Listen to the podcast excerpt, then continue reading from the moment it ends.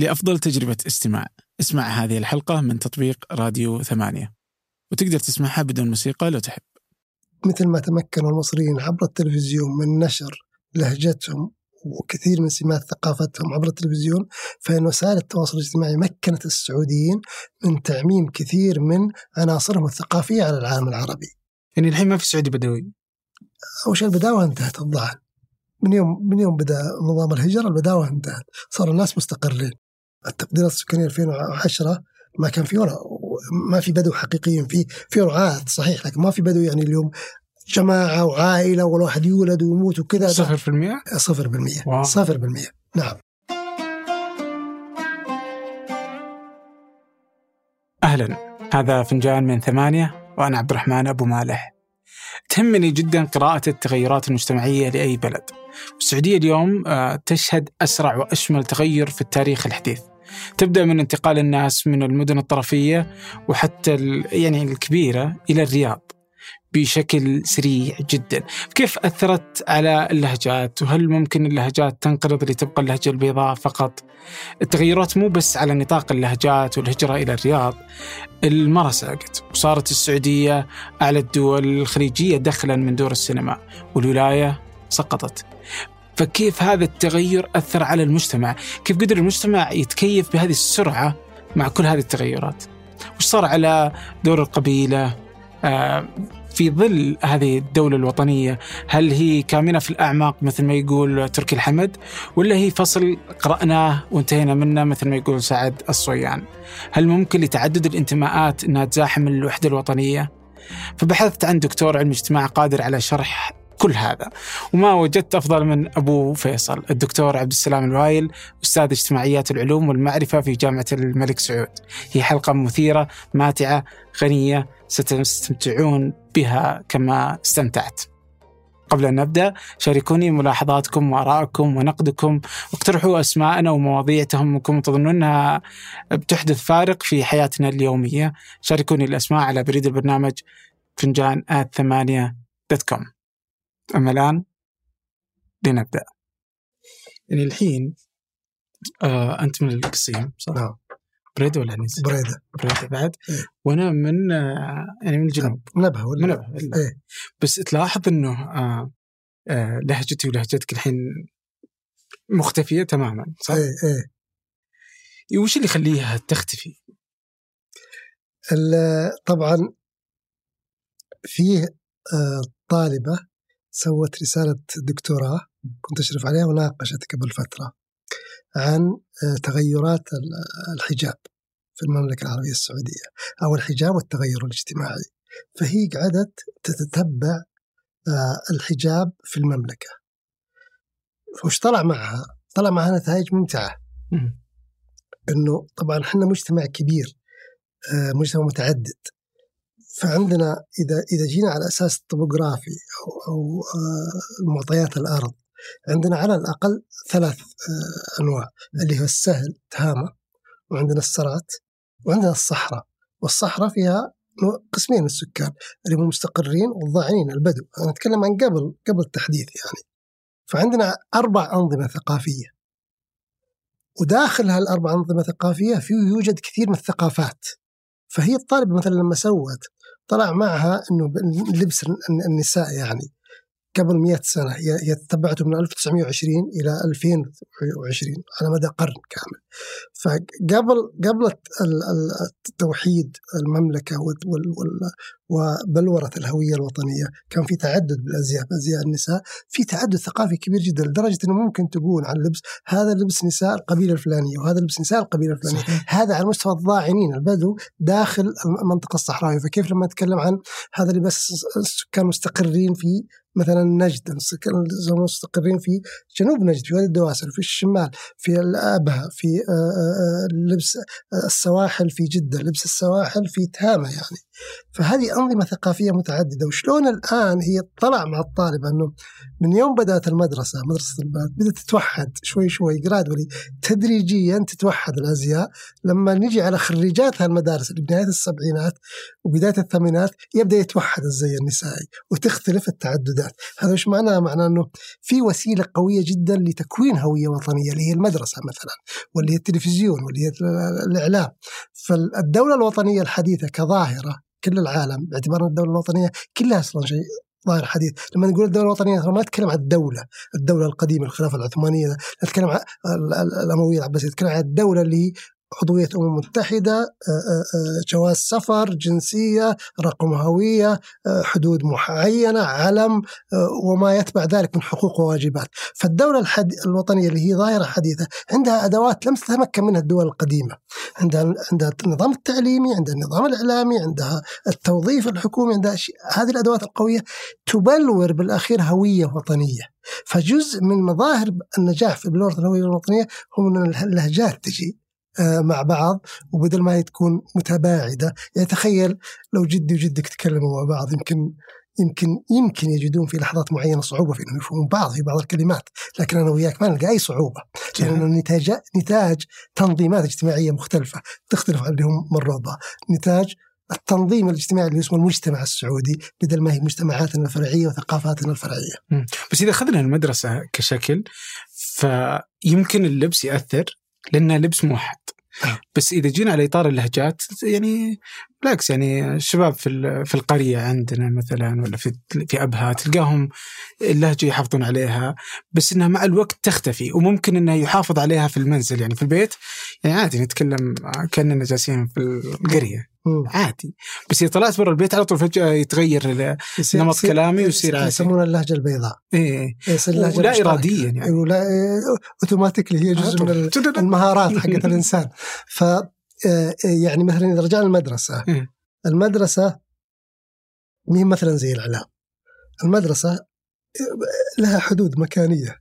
فإذا مدرسة بالقرية الفلانية فغالبا الطلاب تكوينهم خلفيتهم الثقافية واحدة يعني لهجتهم كذا لهجة أهلهم كذا مدرسة في في في النماص مثلا غير مدرسة في الحفر. فلهجة أهل النماص تصير هي اللي جوا المدرسة ولهجه أهل الحفر تصير جوا المدرسة. لكن عندنا متغير ثاني أو عامل ثاني عند الدولة اللي هو الإعلام. زين؟ وعندنا المدن الكبرى.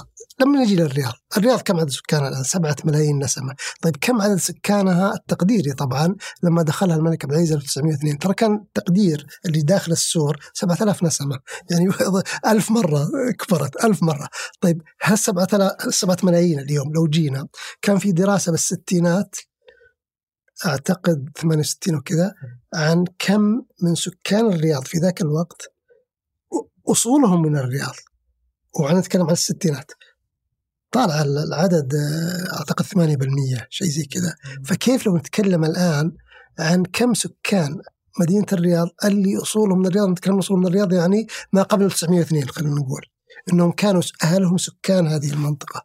ترى يمكن ما يطلع معنا إذا طلع معنا 5% يمكن تكون نتيجة كبيرة جدا، طيب ال 95% الباقيين شلون؟ في 30% اجانب، 65% مواطنين، المواطنين دول منين جو؟ جو من مختلف أصقاع المملكة وتساكنوا مع بعض، محتاجين إنهم يوجدون لهجة مشتركة. وبعدين لاحظ إن اللهجة المشتركة ذي حقت الرياض هي بدات تصير هي اللهجة الوطنية، هي لهجة الأغاني. هي لهجة التعبير عن العواطف هي لهجة الحب مرة كان في واحد مرسل رسالة لجريدة عكاظ أذكر بالتسعينات يقول أنا من منطقة وأكتب الشعر. لما أجي أكتب الشعر ما أكتب بلهجة أهلي ألقى نفسي أكتب بلهجة الأغاني السائدة اللي هي اللهجة زي ما نقول اللهجة الوطنية اللي نشوفها بالأغاني. لو تتبعنا الأغاني مثلا محمد عبده طلال المداح بداية السبعينات وش نشوف الأغاني؟ فيها مثلا الظاهر طلال المداح المغني يا صاحب الكدلك قلبي بينده لك وكذا. كلمات عبد الرحمن مسعود كلمات مي بلهجه أهل الرياض بالغير 30 سنة ليتر نشوف العكس يصير إن اللي مو من الرياض يكتب باللهجة اللي اللي اللهجة الشعبية زي ما نتكلم عنها ف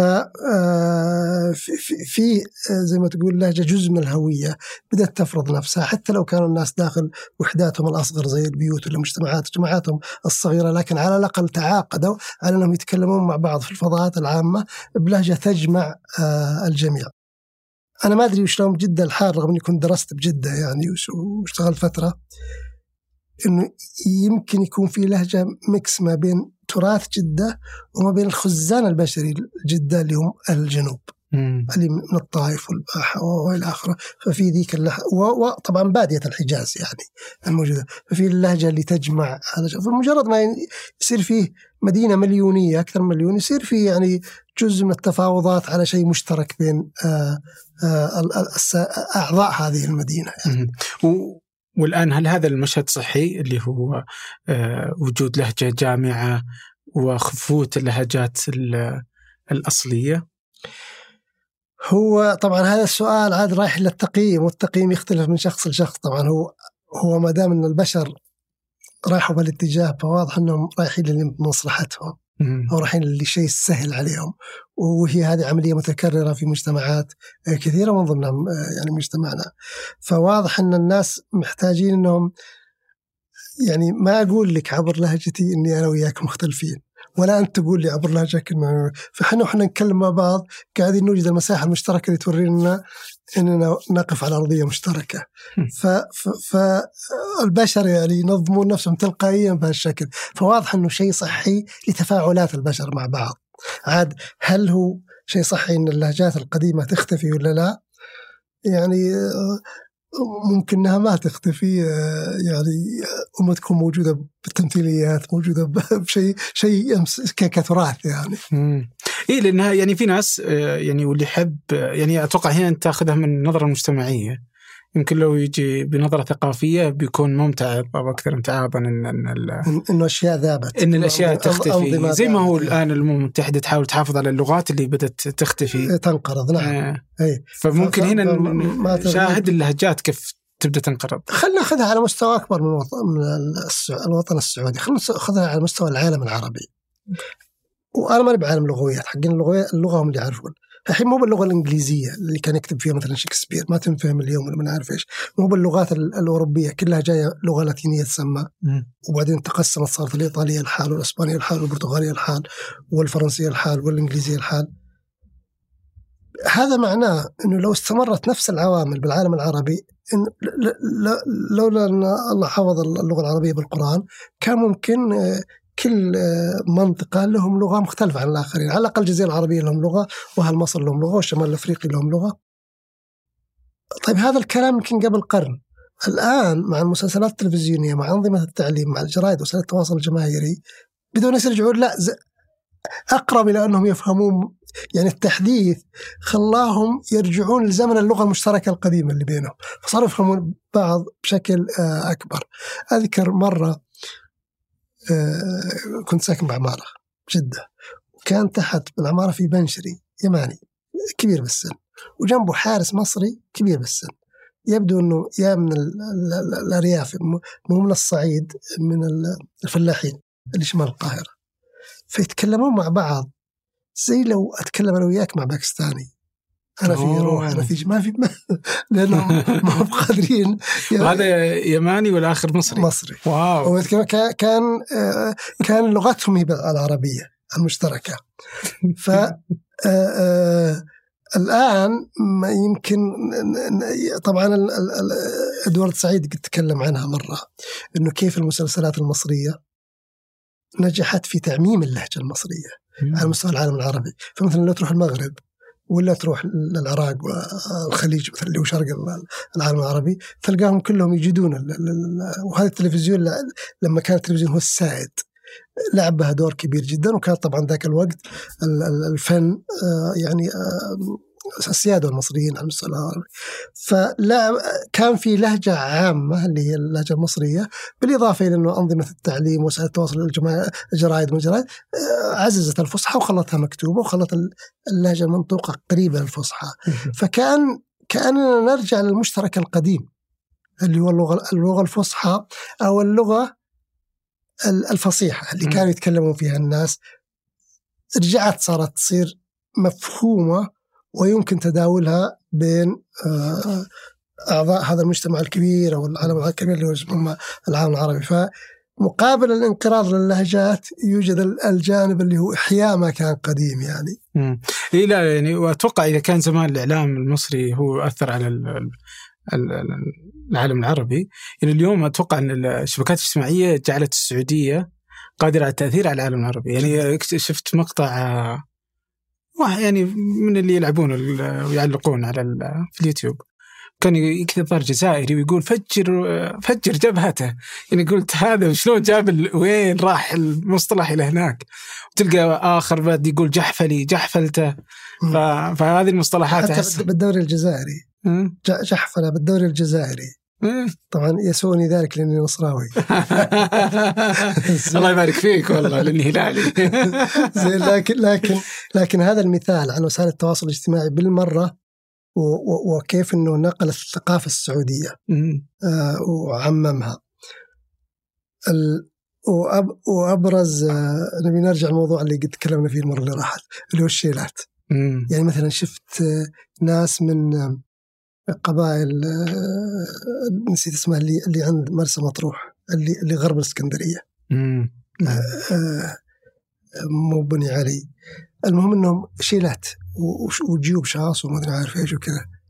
بس بستغربت الآن أنت قبل شوي تقول فجر جبهته بالجزائر على الأقل ذولاك بدوا بادية الصحراء الليبية وما بين مصر وليبيا. آه، يعني نقول قريبين. ذولاك أبعد ومع ذلك نفس ال- ال- المفردات. فوسائل التواصل الاجتماعي أو السعوديين مثل ما تمكنوا المصريين عبر التلفزيون من نشر لهجتهم وكثير من سمات ثقافتهم عبر التلفزيون فإن وسائل التواصل الاجتماعي مكنت السعوديين من تعميم كثير من عناصرهم الثقافية على العالم العربي. وأحيانا نشوفه على المستوى العالمي بس هذا أنا نسيت. ولا في- في- فيه آه، آه، آه، زي كلمة هبوب اللي خذوها إيه، هذه- قنوات الأخبار. آه، يمكن نشوفها بعدين بالأكلات. يمكن بلاش. فوسائل التواصل فعلا مكنت الثقافة السعودية من أنها تنتشر عربيا.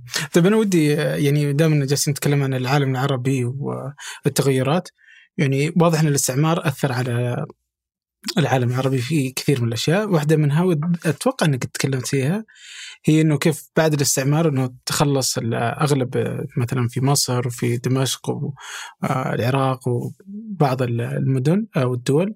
آه، تخلصوا من لباسهم القديم وبدأوا يلبسون الكرافتة وال يعني واللباس ال- حق الخواجات طلع الافندي. الافندي بس هذا ما حصل على دول الخليج رغم إنها آه يعني معظمها استعمر.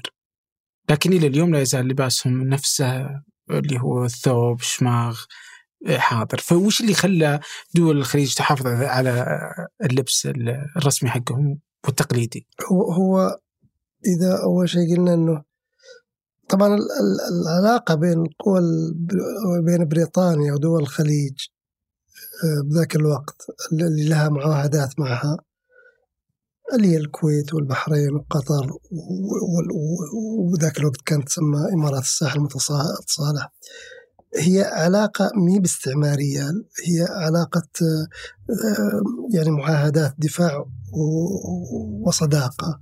فما تسمى ظاهرة استعمارية زيها زي اللي حصل آه، في مصر مع البريطانيين وفي العراق مع البريطانيين وفي فرنسا وفي سوريا ولبنان مع الفرنسيين.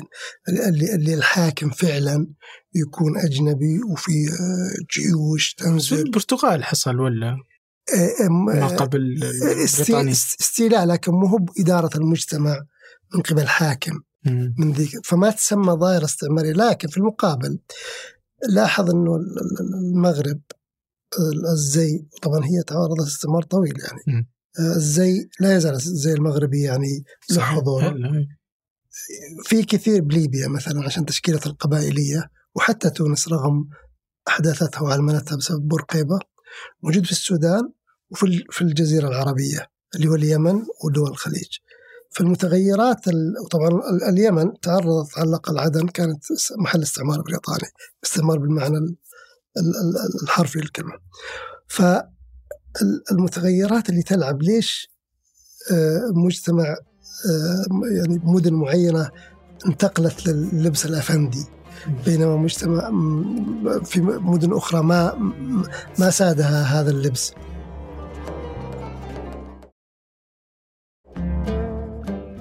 كان فيها إرنست جيلنر أعتقد هو anthropologist له له له دراسة عن البنطال في تونس. البنطلون آه، في تونس. هي ممكن تكون علامة على إنه الجسد الثقافي عنده ممانعة ولا يخضع. عنده ممانعة إن النموذج الغريب يغزيه يغزوه ويتعرض لهذا الغزو ويتلبسه ولا إنه آه لا يعني عنده مانع ولا إنه يخضع لهذا النموذج. لو جينا الاستعمار بالعالم العربي صحيح إن الزي تغير صار بدلة. ونشوف حتى على مستوى القيادات السياسية ولا على وجوه المجتمع بالفن بالشركات بالكذا انه فيه اللبس البدلة. بس خلينا نتذكر انه البدلة والكرافتة وكذا هي عامة العالم. لأن أوجه كثيرة من الحداثة الأوروبية عامة العالم ككل. يعني إذا إحنا ما لبسنا بدل فإحنا على الأقل عندنا جامعات عندنا مدارس عندنا طرق عندنا مستشفيات هذه كلها تنظيمات في الأساس يعني هي منتجات غربية يعني.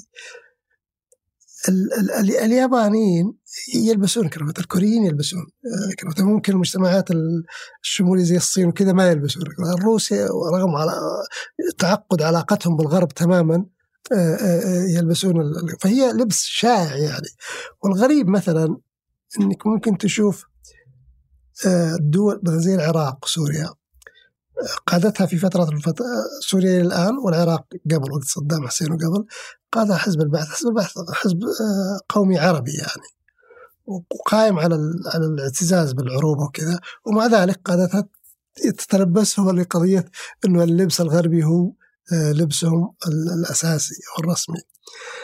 آه، فهل هل إن الزي حقنا؟ هل إننا استطعنا إحنا مثلا في الخليج؟ إنه نتكيف بالزي حقنا مع المتغيرات الجديدة اللي اللي من ضمنها مثلا آه، في رخاء بالحياة في اهتمام باللبس. فقدرنا نطور الزي حقنا بحيث إنه يمشي مع التحديث. بينما المجتمعات ذيك ما طورت وعلى طول أخذت اللبس الحداثي الغربي. ما أدري الآن لما تجي أنت تأخذ لقطات من العراق. ولا يمكن من سوريا لكن أشوف بالعراق كثير. اللي هم شيوخ القبائل ولا أبناء القبائل وتشوف لبسهم لللبس العربي. يختلف عن لبسهم نفس اللبس قبل عشرين سنة. صار خليجي أكثر. صار مثلا مرزام شو اسمه الزري حق آه البشت كيف له طريقة لبسه صار زي لبس أهل الخليج بينما لو ترجع للصورة القديمة لا ترى ما لبسه كذا. الظاهر إنهم كانوا يلبسون الشماغ بدون طاقية. يطلع الشعر والعقال يصير ما بين الشعر وما بين ذا. فكان الخليج صمد هم تكيف بلبسه عشان يصير حداثي اللي مع الرخاء وصار فيه اهتمام باللبس والذوق والأذى. هم صار يبدع في اللبس إنه يكون أنيق يعني زي ما نشوف ثيابنا الحين مثلا بحيث إنه صار المناطق اللي أنت تقول عليها قبل شوي صارت آه، تحذو حذو وتاخذ آه، هذا اللبس.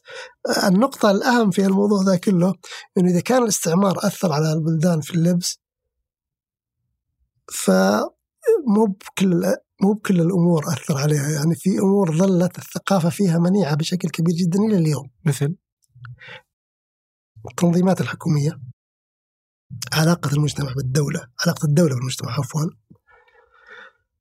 آه، نمط النظام الإنتاج الاقتصادي. ما دخلت المجتمعات الحداثة. هي ما تحولت المجتمعات الصناعية مثلا. لما تشوف أنت بكوريا اللي هي كانت اللي كانت محل استعمار ياباني من 1908 إلى 1948 بعدين استعمار آه، آه، أمريكي آه، للجنوب وسوفيتي للشمال وبعدين استقلال الجنوب تبع تبع أمريكا والشمال تبع كوريا الشمالية تبع الاتحاد السوفيتي. نشوف انه كوريا من الستينات الجنوبية الكوريا الجنوبية من نهاية الستينات من بداية السبعينات بدأت تصير ناجحة اقتصاديا. تصير منتج واليوم إحنا نعرفها يعني. هذا هو تأثير الاستعمار. ترى تأثير الاستعمار وأنا رحت كوريا وبرحلة علمية وقريت تاريخ التحديث فيها كيف تم. ومساعدة مباشرة من الغرب عشان تصير عكس النموذج حق كوريا الشمالية اللي هي تبع المنظومة الشرقية. العالم العربي دي ما فيها القصة دي. النجاح الاقتصادي موجود في الخليج. غير الدول اللي, اللي قلنا إنها تأثرت بالاستعمار باللبس ما تأثرت فيه بانماط الاقتصادية. ما تحولت إلى إلى اقتصادات مزدهرة حد ذاتها اقتصادات صناعية. وطبعا كان في محاولات لكن ما نجحت بشكل كبير جدا. طب بس ليش الخليج صمد؟ أنت تقول إنه صمد في في قضية ال- ال- الزي. الزي. يمكن لأن تركيبته الاجتماعية تركيبة آه، عشائرية ففي يعني قدرة على أن النموذج الثقافي مو بسرعة يعني يقاوم يعني مو ي- يسقط. وبعدين على هالوقت والمقاومة إلى الدول الوطنية بالمنطقة ذي قامت وصار عندها رخاء اقتصادي اللي هو جاي من النفط. فخلاص بدأ النموذج ده يركز نفسه.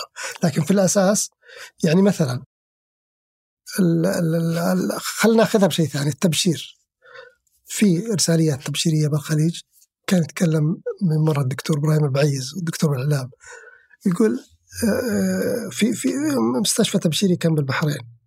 عشان نشر الدين المسيحية هذا تم في كوريا تم في الهند الهند كان في مسيحيين الصين كان في مسيحيين كوريا كان في كاثوليك لبنان نفسه لما جت البروتستانتية له بنهايه القرن التاسع عشر إن- انقلوا ناس من رومان كاثوليك إلى إلى إلى إلى بروتستانت.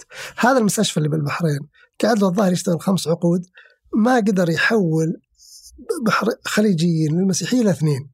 واحد من البحرين وواحد الظاهر من قطر وعلشان يتعالجون. ففي ممانعة بالبنى الثقافية، في ممانعة قد- شديدة جدا يعني.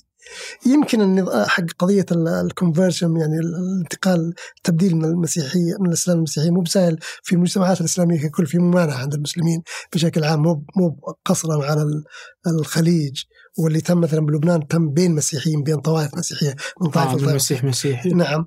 لكن ال- ال- البنية العشائرية المجتمعات الخليجية البنية الاجتماعية المجتمعات الخليجية هي بنية عشائرية. المجتمعات العشائرية هذه عادة محافظة. فقدرت على الأقل تستوعب الصدمة الأولى وتقف يعني. ترى على فكرة لو نشوف المسلسلات الكويتية بالستينات. بس نشوف في في كويتيين كثير يلبسون يلبسون لبس. بس مع الرخاء صار نموذج الثقافي قادر إنه يدافع عن نفسه. آه، ولا يمكن أريح. ويمكن أريح وثبت. كان في وزير صحة بالكو- الظاهر العوضي الكويتي لبسه غربي. وفي تذكر محمد المنصور كذا. يعني لبسهم باستمرار غربي. فأعتقد إنه ال- البنية المحافظة خلته يدافع وقت النظام الثقافي ضد هذا الغزو. بعدين تمكن من الرخاء الاقتصادي إنه يبدع ويتكيف بلبسه الوطني وخلاص واستمر مع هذا التكيف.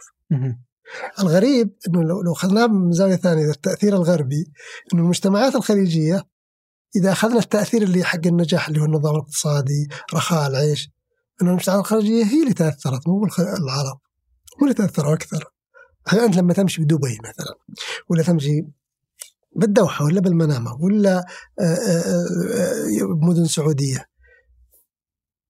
أقرب لل- لل- للتنظيم الغربي لما لو تمشي بدمشق ولا بالقاهرة ولا بغداد. صحيح. وحتى ال- ال- التنظيم الاقتصادي يعني العلاقات الاقتصادية رواد الأعمال آه، مساعدة الشباب على البزنس الخاص فيهم فتح المجالات لهم آه، بنشوف بالسيارات بال بالشوارع طريقتها بالفنادق بالأشياء هذه. آه، في- في آه، آه، تشابك مع النجاح العولمي. بالخليج أكثر من دول العالم بقية العالم العربي وهذا وهذا دليل نجاح اقتصادي يعني. طيب أجل دم نتكلم عن دول الخليج ودي نعرف كيف تاريخ نشأة دول الخليج وأنا بيهمني هنا الدولة السعودية. ففي تاريخ نشأة الدولة السعودية في كان فيه في رواية سابقة وفي رواية حديثة.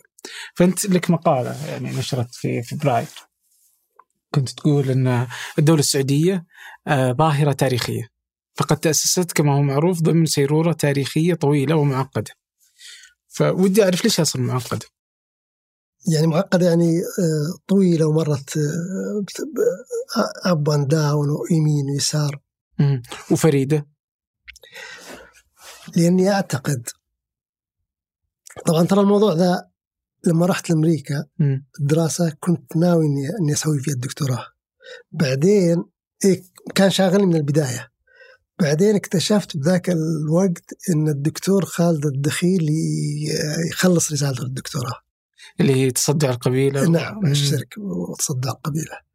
فقلت خلاص درس. بعدين عرفت إنه الدكتور عويض الجهني قبل كذا بالتاريخ وبقسم التاريخ بالجامعة الملك سعود مسوي آه، رسالة دكتوراه وترجمت حديثا هي اللي هي نجد في في الثلاث قرون الأولى قبل الدعوة آه، قبل نشوء الدولة السعودية أو قبل الدعوة الوهابيه.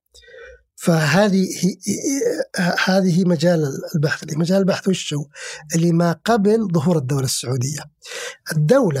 ك- ل- ل- لما لما نجي لعلم التاريخ. ممكن نفهم التاريخ اللي زي نفهمه من المدارس اللي هو التعاقب. من سنة كذا سنة كذا حكم فلان من سنة كذا سنة كذا حكم فلان. وممكن يكون الوعي التاريخي الوعي التاريخي اللي هو اللي هو زي ما سوى ابن خلدون اللي هو الشروط الموضوعية لقيام دول وانهيارها. فلما لما نفهم الت- زي, مثلا ما يقول برنارد لويس إن العرب ناس بلا تاريخ. مو مو- معناه بلا تاريخ إنهم ما يدونون. بلا تاريخ إنهم إن, إن, إن الشروط الموضوعية زي بعض ماشية خط كذا. ما فيها بسايد دا ما هو مو مركب ولا معقد. ما في ما في شيء متغير. التاريخ بالمفهوم ال- ال- اللي يتكلم عنه برنارد لويس اللي هو التغير التحول والتبدل. التبدل العميق اللي يصير بالبنى الاجتماعية وينتج عنه دولة. فال فال فالقصد لما قلت إنه سيرورة تاريخية ومعقدة إن المجتمع وسط الجزيرة العربية مر بتحولات وتبدلات اللي أنا كتبت عنه بال- بالمقال إنه وصل على على آه، القرن الثاني عشر الهجري اللي هو 1100 و إنه يتطلب دولة وشلون يتطلب دولة؟ ما هي المهمة الأولى للدولة؟ المهمة الأولى للدولة هي فرض الأمن فرض الأمن. مثل مثل آه، آه، ما يقولون منظرين العقد الاجتماعي. بالذات ما يقول هوبز إنه آه، آه، هل العقد الاجتماعي بين الناس والملك ولا آه زي ما ما يقول جاك جاك روسو ولا زي ما يقول هوبز هو بين الناس أنفسهم لتنصيب ملك علشان الملك ذا يفرض الأمن على الجميع؟ مو هو العقد بينهم وبين الملك العقد بينهم وهم إنهم يقبلون بهذا الملك وبأوامره علشان يصير يفرض أوامره على الجميع أو زي ما قال ابن خلدون إنه جاب استشهد بالمثال إنه واحد قال سأل الحجاج قال كيف الحج سأل العرابي قال كيف الحجاج فيكم؟ قال تركته يظلم وحده.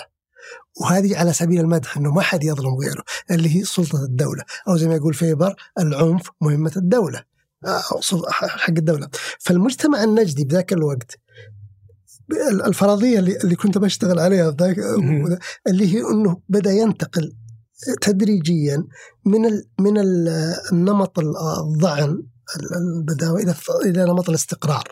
وانس إنه ينتقل إلى نمط الاستقرار يتطلب ما يتطلبه السكان المستقرين بالعادة، السكان المستقرين وش يبون؟ يبون تبادلات تجارية، تبادل تجاري وش تحتاج؟ تحتاج طرق آمنة، الطرق الآمنة من اللي يفرض الآمن؟ هو دولة.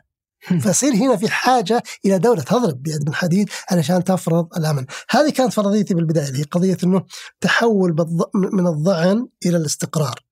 بعدين آه، لما آه، قرأت آه، رسالة عويض الجهني الدكتور عويض الجهني تحولت إلى كتاب قرأت. وأيضا عند الدكتور خالد الدخيل. اللي هي مو فقط إنه تحول من ال- ال- الضعن الاستقرار هو في كثافة في صار في كثافة سكانية بالمنطقة يعني زادت الكثافة السكانية. يمكن يصير في هجرات من الحجاز من بوادي الحجاز من جبال الحجاز مثلا زي هجرة قحطان من الجنوب اللي جو للتثليث وبعدين جو الوسط ال- اللي عند حصاد قحطان وكذا. ولا عتيبة لما جو من من من آه، جبال الحجاز وبدأوا يدخلون gradually تدريجيا النجدي.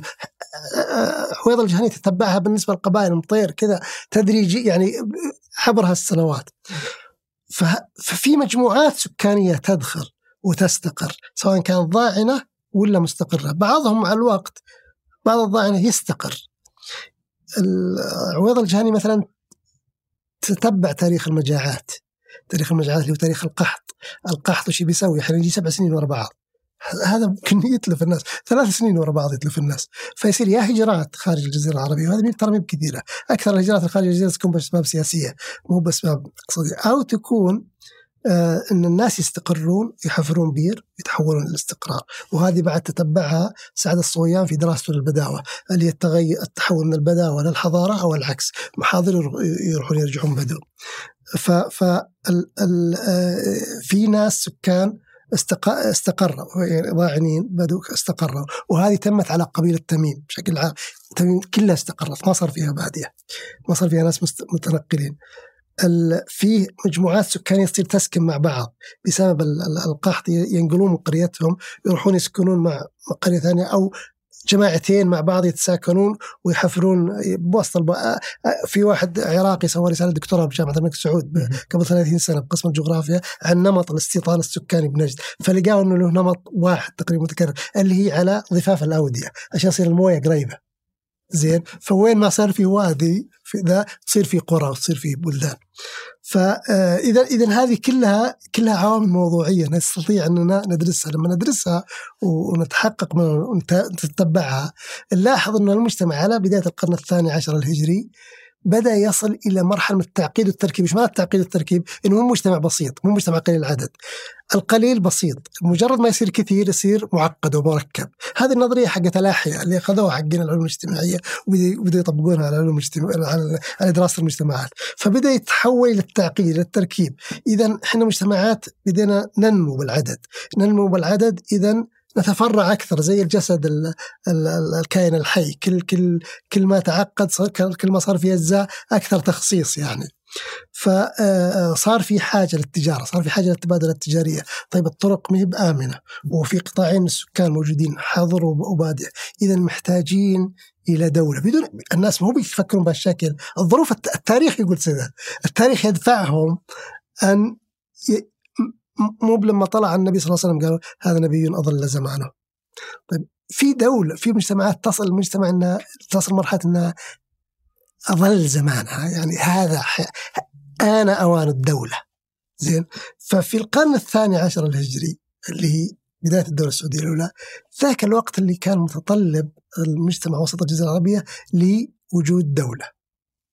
ونلاحظ أنه النموذج انتشر بشكل سريع يعني الدرعية طبعا مانعت الرياض لفترة طويلة لكن قبل قبل يتم فتح الرياض كان كان الولاء وصل للقويعية وصل المناطق بعيدة للوشم الاشياء هذه.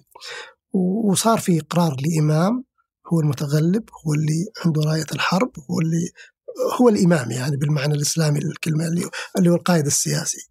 فهذا المقصود بأنه إنه ومثل ما قال الدكتور خالد الدخيل أي رواية غير كذا هي تقلل من قيمة الدولة منها كظاهرة تاريخية. هي ظاهرة بهالمعنى هي أتت استجابة لحاجة السكان معناها أنها كائن طبيعي ناتج منهم من حاجتهم وجدت لي لي لي آه تأدية غرضهم وحاجتهم بوجود سلطان يفرض الأمن هنا كان الإمام اللي تقصد فيه محمد, محمد سعود محمد سعود وبالتالي آه، نظرا لأنه ظهر بالزمان المناسب بالظروف الموضوعية المناسبة استطاع أنه يؤسس دولة تنتشر بالانتشار آه، الواسع هذا والكبير. وليش قلت فريدة؟ لأن ما في بالعالم العربي ظاهرة زي كذا. ما في ما في دولة انبنت لا استعمار ولا شيء. ما في دولة انبنت وفق السيرورة الداخلية التحولات الداخلية لمجتمعاتها زي الدولة السعودية. ما في. طيب وش اللي آه، دفع محمد بن سعود إنه يؤسس الدولة السعودية؟ آه، وخصوصا ما في أي دولة مركزية في الجزيرة العربية إلا الخلافة الإسلامية. فمن الخلافة الإسلامية ويوم طلعت إلى آه، دمشق بعدها ما كان في أي دولة تحكم الجزيره العربيه كسلطة مركزية إلا يوم جاء محمد بن سعود. فايش اللي خلاه يتوسع و... طبعا كان فيه آه، الخيضريين حكموا فتره هم مقرهم في الخضرمة يعني بالخرج. م. لكن ما ما كانوا مو كانوا على كل ولاية الامامه لأنه لما مر بهم ناصر خسروا 440 هجري قبل ألف سنة جاء من الأفلاج. هو حاج يعني جاء من الطائف للأفلاج من الأفلاج للخرج فالط... لو لو نشوف الأفلاج والخرج تطلع مساحة 220 كيلو. فيتكلم عن إنه بالأفلاج ما كان في آمن. يعني 220 كيلو على المركز يعني. فبالتالي نقدر نتخيل هذا على مستوى الشمال وجنوب الخارج وشرقه وغربها آه بعدين عاد ال ال ال هو صار في علاقة متوترة يبدو بين السكان وبين الخضريين فصار في هجرات خارج الإقليم. تكلم عن المؤرخين بعضهم بني حنيفة راحوا لمصر أبعدوا خلاص. فيمكن ذاك الوقت قل قل عدد السكان. فلما قل عدد السكان ما صار في حاجة لسلطه مركزيه هم من إحصالات الظاهرة اللي تكلمنا عنها قبل آه، شوية اللي هي الهجرات. من من من آه، الحجاز يعني ومن الجنوب إلى المنطقة الوسطى والظواهر المناخية اللي تكلم عنها عويض الجاني فصار في تكثف وكثرة في عدد السكان. فصار في الآن إننا نستعيد آه، سلطة مركزية. الإمام محمد بن سعود بذاك الوقت يعني آه القصة تقول إنه لما جاء الإمام محمد عبد الوهاب مثلا آه آه راح في كان في باله من في بال الإمام محمد بن سعود إنه قضية حكم نجد. بالتالي في باله مشروع يمكن. قد يكون في باله مشروع اللي هو ما هو أكثر من الدرعية. وعلى طول انطلق في في تنفيذه على طول. هل هو أحس بأنه في حاجة لفرض الأمن هل هو أحس إنه والله آه، ما يستقيم أمر الناس وهم بهالشكل؟ بعض بعض كتابات الفقهاء المنطقة مثل ما قال الدكتور راشد العساكر آه، لما طلعت أنا وياه بالبرنامج حق آه، أستاذ مشاري الذايدي إنه بعض المخطوطات من فقهاء المنطقة تتكلم عن ولاية الإمام قبل ظهور الدولة السعودية، يعني كانت تتكلم عن حاجة أن يكون هناك إمام يعني. آه، عن سلطة الإمام عن قضية الأئمة المتعددين، الأئمة المتعددين اللي هو هذه بلدة وجنبها أبو 10 كيلو بلدة ثانية هذا سلطان ما ما فوق أحد يعني وهذا كانوا دولة لحاله يعني ما بين ال 15 20 كيلو. فتكلموا الفقهاء عن هذه الظاهرة الغريبة وأنه في حاجة لتجاوزها تجاوزها إلى سلطان مركزي. إلى سلطان واحد. فكل هذه إرهاصات قد تكون دارت بعقول النخبة ذاك الوقت النخب الفقهية النخب السياسية أنه في حاجة لوجود سلطان واحد سلطان قاهر. طيب آه، اليوم آه، عندنا سردية آه، رائجة. سابقا. وعندنا سردية جديدة. الرسميه الجديده تقول إنه التاريخ لتاسيس الدولة عام 1139 السابقة 57 باتفاق الدرعية. وش اللي احتاجه اليوم المجتمع إلى أن تكون هناك سردية جديدة؟ والله يعني المجتمع أول شيء مثل ما قال الدكتور خالد دخيل إنه سردية إن إن الدولة السعودية فقط يعني نشأت كاتفاق ما بين الشيخ والإمام. هو يعني reduction يعني reductionist approach يعني اللي هو منظور تقليلي يقلل من العوامل الموضوعية. فالدارسين الدارسين الموضوعيين يعني حقين التاريخ ولا حقين زي خالد الدخيل ولا زي إحنا قسم اجتماعي يعني إحنا بتاريخ لكن الدارسين الاجتماعيين للتاريخ.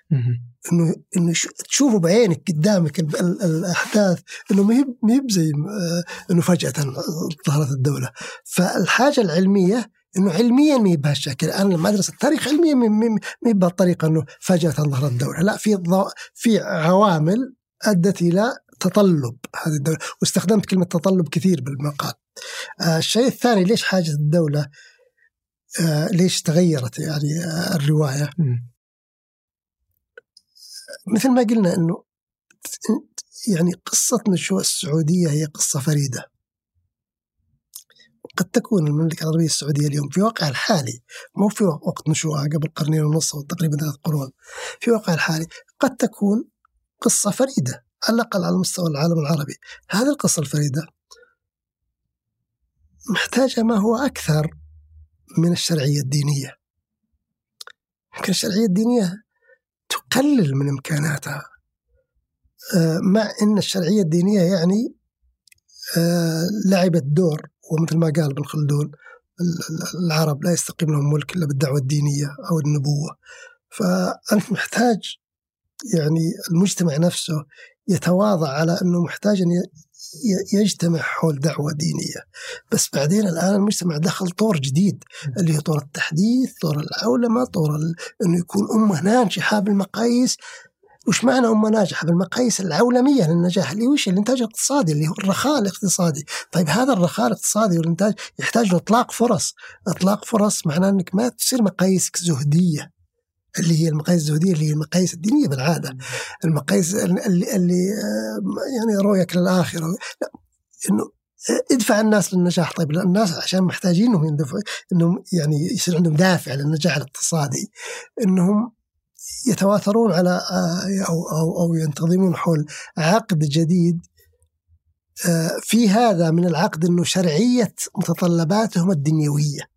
اللي هي النجاح الاقتصادي اللي هي الرخاء ومقاييس هذه مقاييس آه، عولمية تحتاج إنك يعني آه، تنفتح على آه، شرعيات جديدة. طبعا الدولة السعودية ترى على فكرة من من من التوحيد من من من الدولة الثالثة وهي عندها شرعية تسمى شرعية الإنجاز اللي هو إنجاز محمد هذا الكل يعني من يتأمل فيه لا يستطيع ان أن ينكر إنه شيء فريد. إنه تكونت كل المجتمعات ال- الفرعية بدولة واحدة. بعدين بعد إنجاز الوحدة بعد إنجاز الوحدة اللي هو المملكة العربية السعودية إحنا نذكر إنه آه، الاسم الرسمي للملك عبد العزيز آه، قبل الملكه العربية السعودية كان سلطان نجد وملك الحجاز وملحقاتها. يعني ما كان لها اسم بعدين صار لها اسم واحد دولة واحدة العربية السعودية. بعدين مع الطفرة النفطية في شر- شرعية إنجاز جديدة اللي هي الرخاء الاقتصادي. اللي هي الوظائف والمدارس والصناديق التنمية العقارية والبنيه التحتية وإلى- ورفع مستوى السكان وكذا. ففي آه، مستويات من الإنجاز والآن عاد اللي هو الاشتباك مع المقاييس العولمية للنجاح اللي آه، اللي هو حديث المجتمع اليوم. آه، اللي هو أهداف الدولة اليوم كما تتبلور في رؤية 2030 آه، إنه يكون في آه، مجتمع منتج للوظائف منتج للرخاء الاقتصادي عنده اقتصاد سليم. وهذا يت- يتطلب يعني إطلاق الفرص وإطلاق الفرص يتطلب الاشتباك بالقيم العولميه يعني.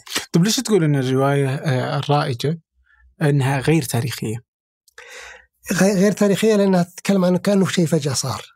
ما كان في له عوامل. هي متى تصير آه. تاريخية؟ هي تصير تاريخية لما تشوف إنه التحول تم بناء على عوامل قاعدة تنطبخ. هم بالأخير تنتج هالشيء لكن غير تاريخية لما تشوف إنه كأنه مثلا شيء سحري تم فجأة. مم. طيب الشيء السحري ما يدوم إذا ما له أسباب موضوعية. ما يعطيك العملقة يخليك عملاق وكبير وكذا إنك أنت نتاج عملية تكون معقدة. مو بشيء ف- فجأة كذا يعني لا لا يعني حتى في آه، في كتاب الدكتور خالد آه، تخيل كان يذكر إنه فيه مايكل كوك. وهو يحاول إنه يدرس آه، آه، الجزيرة تكون الدولة السعودية مم. كان يقول إني إذا أوصل إلى أفضل شكل إني أقدر أشرحها هو أنها قدرة إلهية إنها شاءت بقدره إلهية. نعم. فما قدر يمنطقها وهذا غير منطقي يعني ان طبعاً. ت- تختصر الدولة في قدرة يمكن, إلهية. يمكن يكون يمكن يكون بسبب نقص من المعلومات عجز عجز. مو بيقولون إن, إن, في لغز زمان. يقول في كوبري يتحمل 15 سيارة. ممكن. وجت فوق- فوقه 20 سيارة ولا نهار. ليش؟ فال- فالجواب الله حفظه. فلما يكون عندك قدرة على تفسير البيانات تروح للتفسير الميتافيزيقي هذا. زين. لكن بالأخير مثل ما قال ابن خلدون الله وضع الأسباب. في شيء اسمه العمران تكون عمران اللي هو تكون المجتمع وفي له أسباب وعوامل لهذا العمران القدرة على قضية أنه يكون عندك بيانات يعني الأحداث التاريخية تشوفها هم تستطيع أن تربط بينها وتحللها بما ي- يساعدك على تفسير الظواهر اللاحقة فالدولة السعودية كظاهرة لاحقة لاحقة لمين؟ لل- لل- لل- للعوامل اللي تمت قبل واللي تكلمنا عنها قبل شوي. لما نتكلم عن أبو الوليد فالدكتور خالد برضه يقول آه، آه أن أن القبائل تصدعت إيه. وجاء وقت أنها تحتاج إلى تنظيم سياسي مم. عابر للقبيلة نعم. ولن يكون إلا آه، دولة. الدولة صحيح. تتفق مع نعم نعم فرضية؟ نعم, نعم أعتقد إنها إضافة عبقريه منه. هو هم يتساكنون. يعني مثلا لما نجي مدينة عني- العنيزة مثلا. عنيزة تقريبا 1200 1199 1200 صارت مدينة. لما نجي هي ثلاث ثلاث أجزاء. ثلاث أجزاء. ثلاث بلدات تكونت صارت ديرة يعني.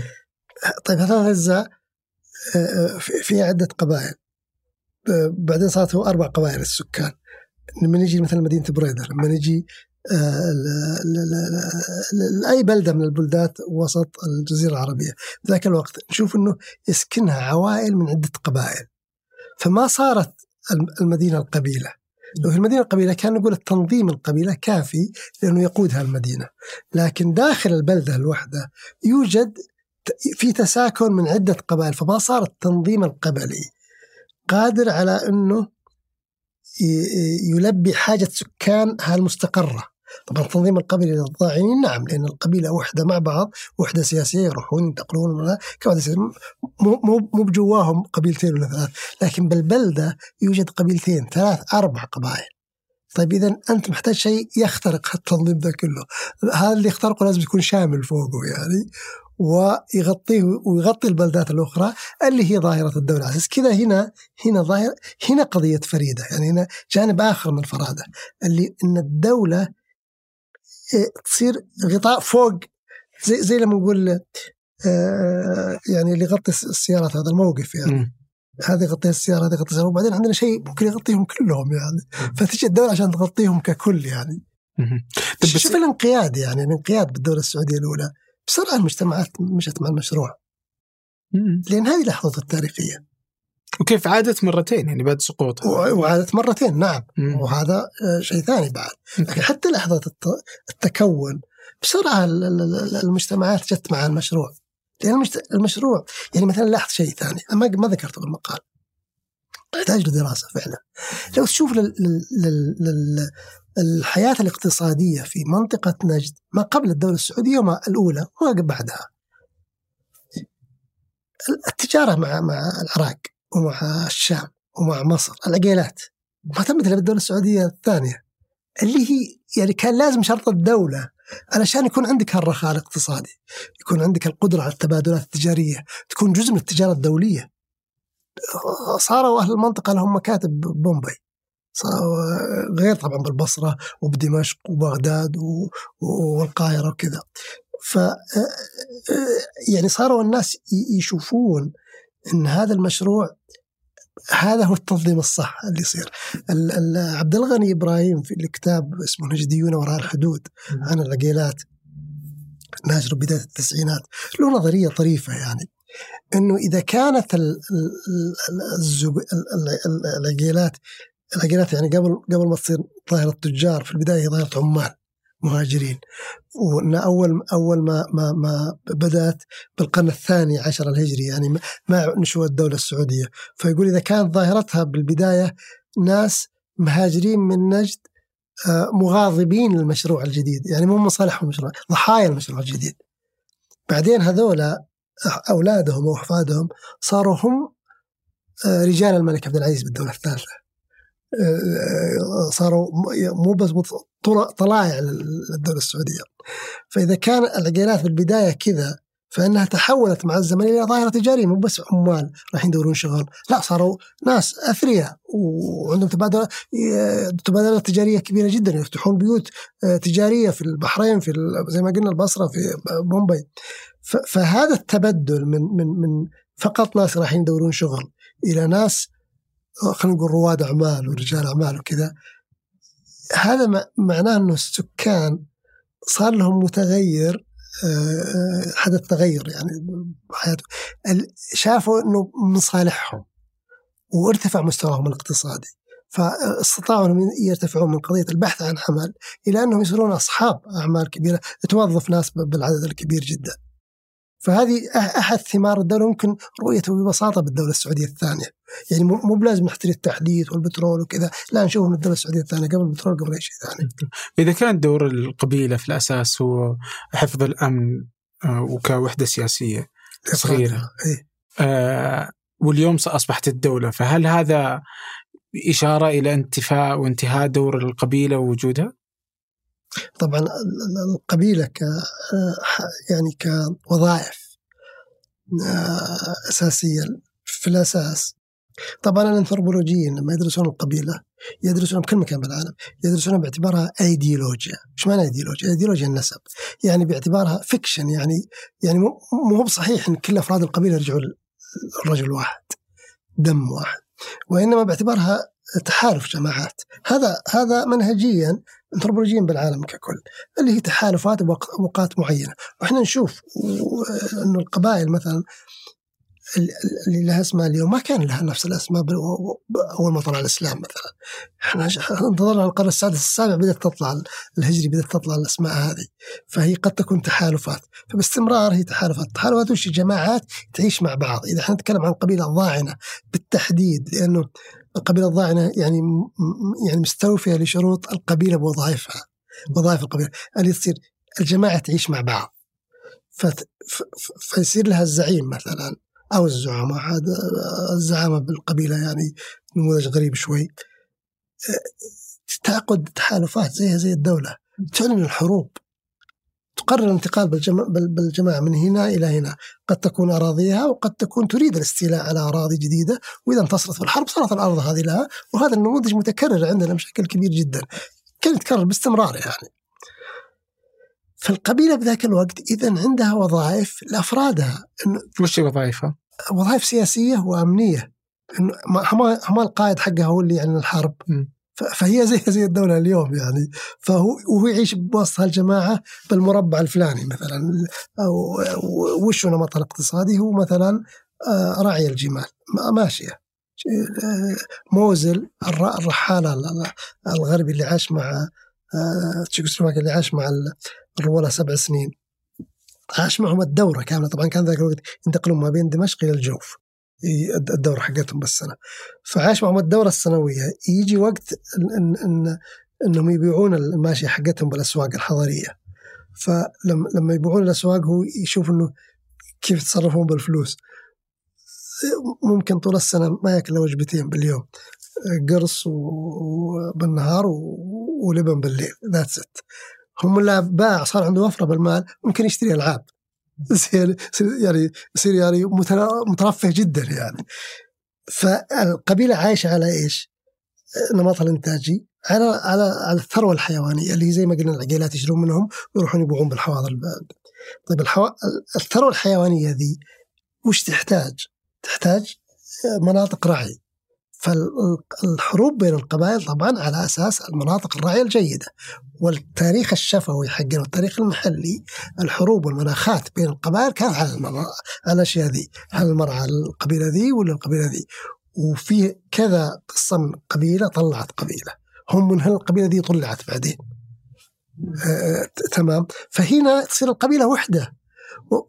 وظيفة الأفراد أنه انقلتهم المراعي جيدة أو خسرت مراعي جيدة. لكنها وحدة الواحد يعيش يولد ويعيش ويموت داخل هذه الوحدة ويتزوج ويجيب عيال وكذا داخل ينتج اقتصاديا داخل هذه الوحدة إلا إذا عاد تهاوش معهم وصار له ثار وطلع وتركهم يعني. ها مع الدولة مع الدولة أنت قدام إطار جديد تروح أول شيء البداوة انتهت الظاهر من يوم من يوم بدأ نظام الهجرة البداوة انتهت صار الناس مستقرين. التقديرات السكانية إنه عند توحيد المملكة العربية السعودية كان نصفها سك... مستقرين ونصفها بدو. زين. التقديرات السكانية في سنة آه، أعتقد التعداد حق التسعينات الظاهر 92 الظاهر كان في 2% باديه التقديرات السكانية 2010 ما كان في ولا ما في بدو حقيقيين في في رعاة صحيح لكن ما في بدو يعني اليوم جماعة وعائلة والواحد يولد ويموت وكذا. صفر في المية؟ صفر بالمية صفر بالمية نعم. إحنا نتكلم من قبل 20 من قبل 2010 يعني من من من قبل. 12 سنة. نعم. إيه. ويمكنها قبل مين اللي آه، أشرف على هذه التقديرات؟ يعني الأولى المتحده الأول الأولى مجرد تقديرات. م. التسعينات و2010 هذه التعداد حق هذه التعداد السعودي. التعداد حق هيئه الاحصاء طيب هذول الناس اللي كانوا يعيشون داخل جماعة يولد. ويتربى ويتنشأ اجتماعيا ويكتسب القيم ويكتسب اللغة ويكتسب العادات ويكبر ويصير شخص منتج سواء بالحرب ولا بالانتاج الحيواني يعني يرعى الغنم وكذا ولا ماشي. ويتزوج يجيب عيال ويموت داخل هالوحدة ويتحالف مع من يتحالفون معه ويعادي من يعادونه.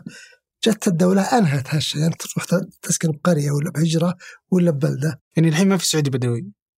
بالمعنى آه، طبعا كلمة بدوي اللي هو الضاعن. ما, ما في. إلا إذا واحد بيمشي ورا حلاله. راح هو يحب البر. مم. لكن ما في وحدة أطفال يولدون داخل ذا ويعيشون ويكبرون وما أعرف إيش وكذا. لا. ما في. ما في. إلا إلا واحد يبي يروح يعيش كذا يعني. آه، قراره الشخصي. فال يعيشون الناس مستقرين. يصير زي زي زي ما قال آه، خالد تصدى القبيلة. تصير علاقاتك مع مين؟ علاقاتك مع المدرسة.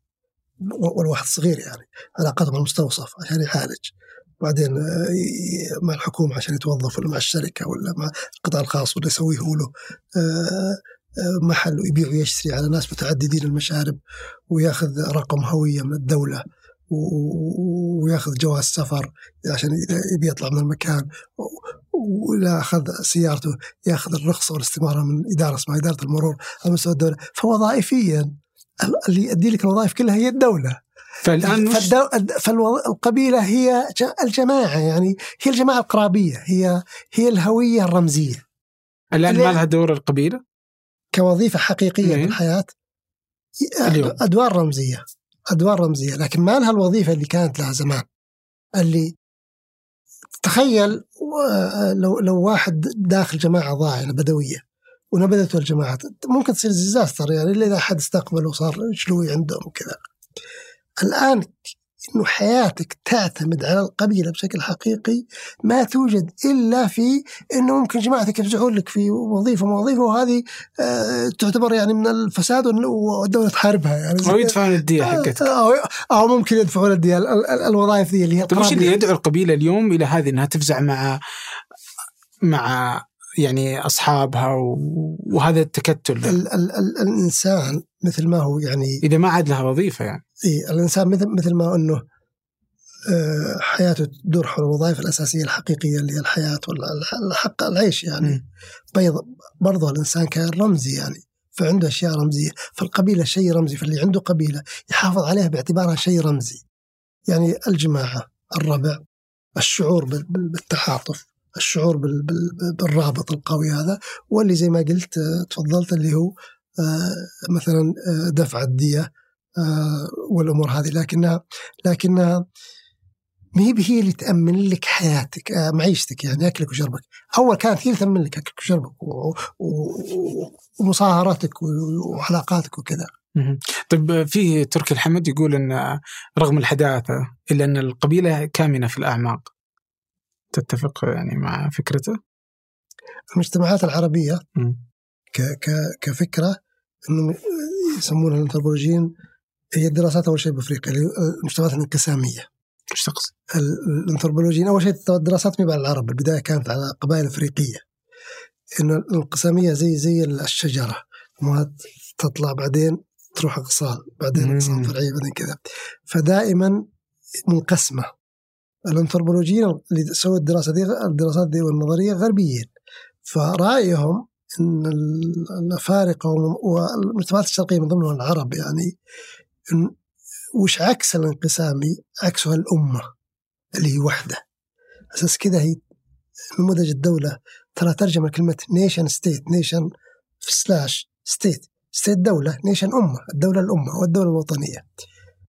هم يقولون لا ذي مجتمعات انقسامية. انقسامية يعني اللي هي العشائر تنقسم وباستمرار تنقسم يعني. فاللي اللي يشير له الدكتور تركي الحمد إنه قضية إنه كفكرة ان ان, إن الناس ينتظمون على أساس آه، آه، انقسامي. سواء كان الانقسام على رابط الدم اللي هو القبيلة أو على المنطقة الجهة. أو على ممكن هويات اكبر زي الطائفة من الطائفة ولا نشوف مجتمعات عربية أخرى واضح تماما. وإذا قلت قبضة الدولة تطلع هذه الأشياء بشكل أكبر.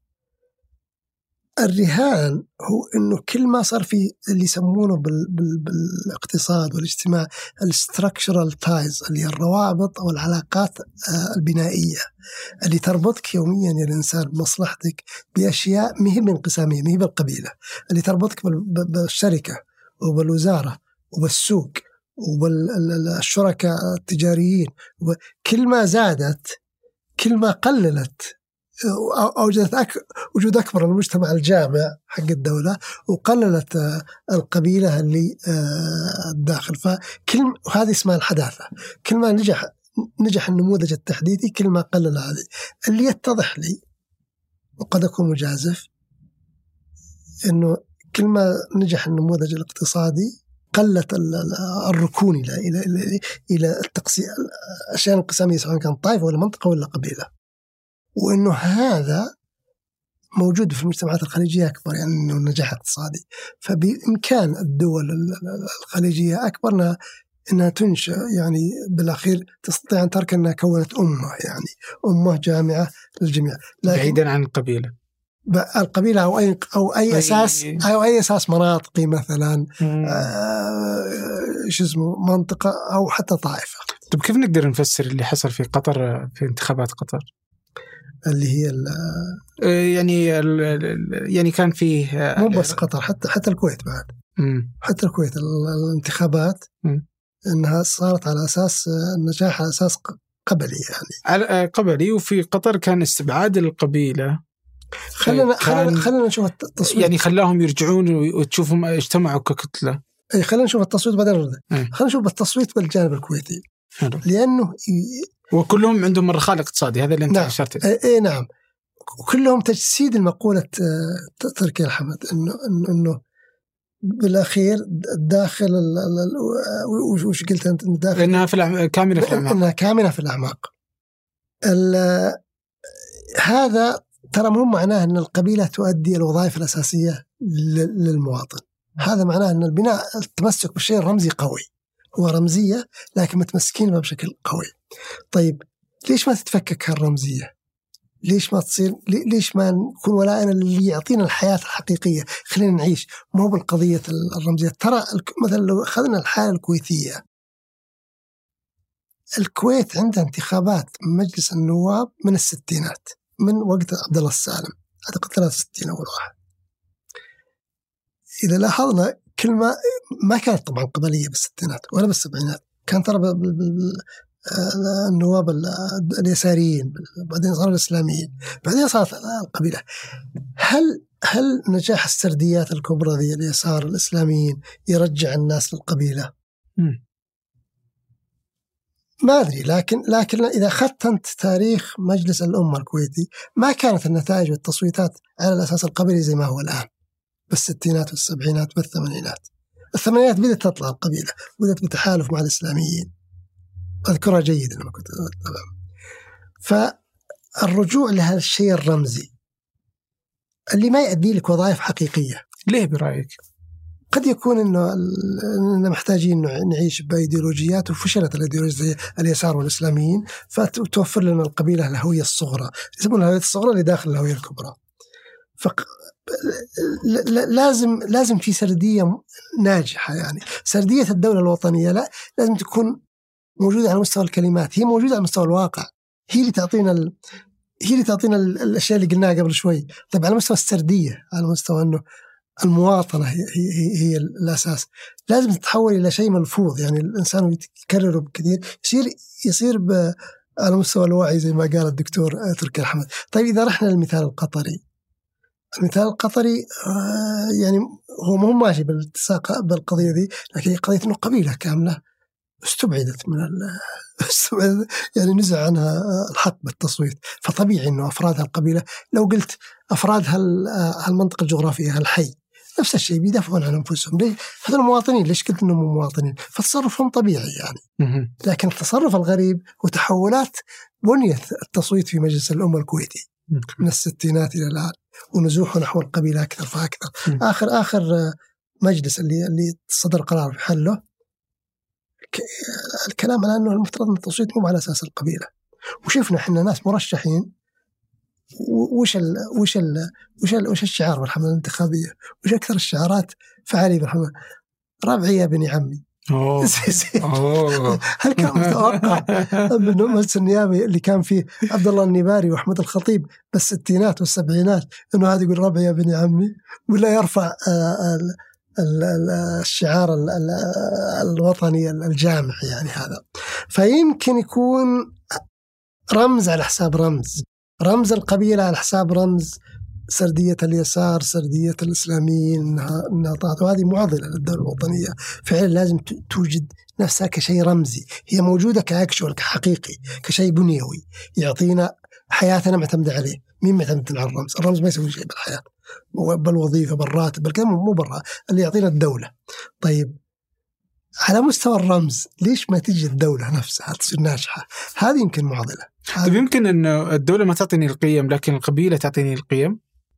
الجماعة الصغيرة نعم. هو طبعا القيم بالعادة. والشخصية وال يعني إيه ال- القيم بالعادة, ال- القيم بالعادة. أول شيء تجي عبر التنشئة الاجتماعية الفرد أول شيء أول ما يتعلم الحياة عبر التنشئة الاجتماعية. أهم مؤسسات التنشئة الاجتماعية ثلاث أول شيء الأسرة.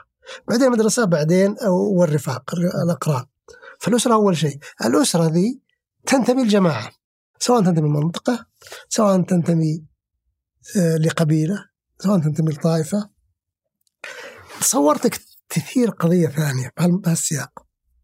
الدولة بالعراق. دولة علمانية كانت. اللي هي دولة خلينا نسميها من اللي انشاها الاستعمار البريطاني من 1920 وبعدين سقط الملكية في 1958 وصارت الجمهورية. أكثر الوقت كانت بيد البعثيين. في فترة مسكوها الشيوعيين مع عبد الحكيم القاسم بعدين بيد البعثيين.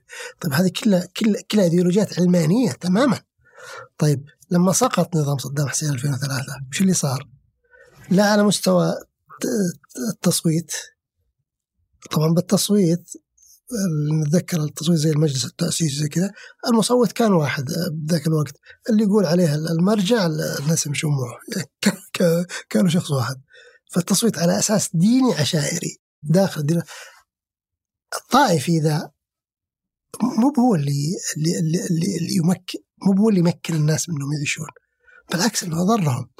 ودولة عندها رخاء رخاء اقتصادي زي زي دول الخليج يعني مفترض وبعدين شوف ال- البنية التحتية المياه الكهرباء الماني عارف إيش كذا.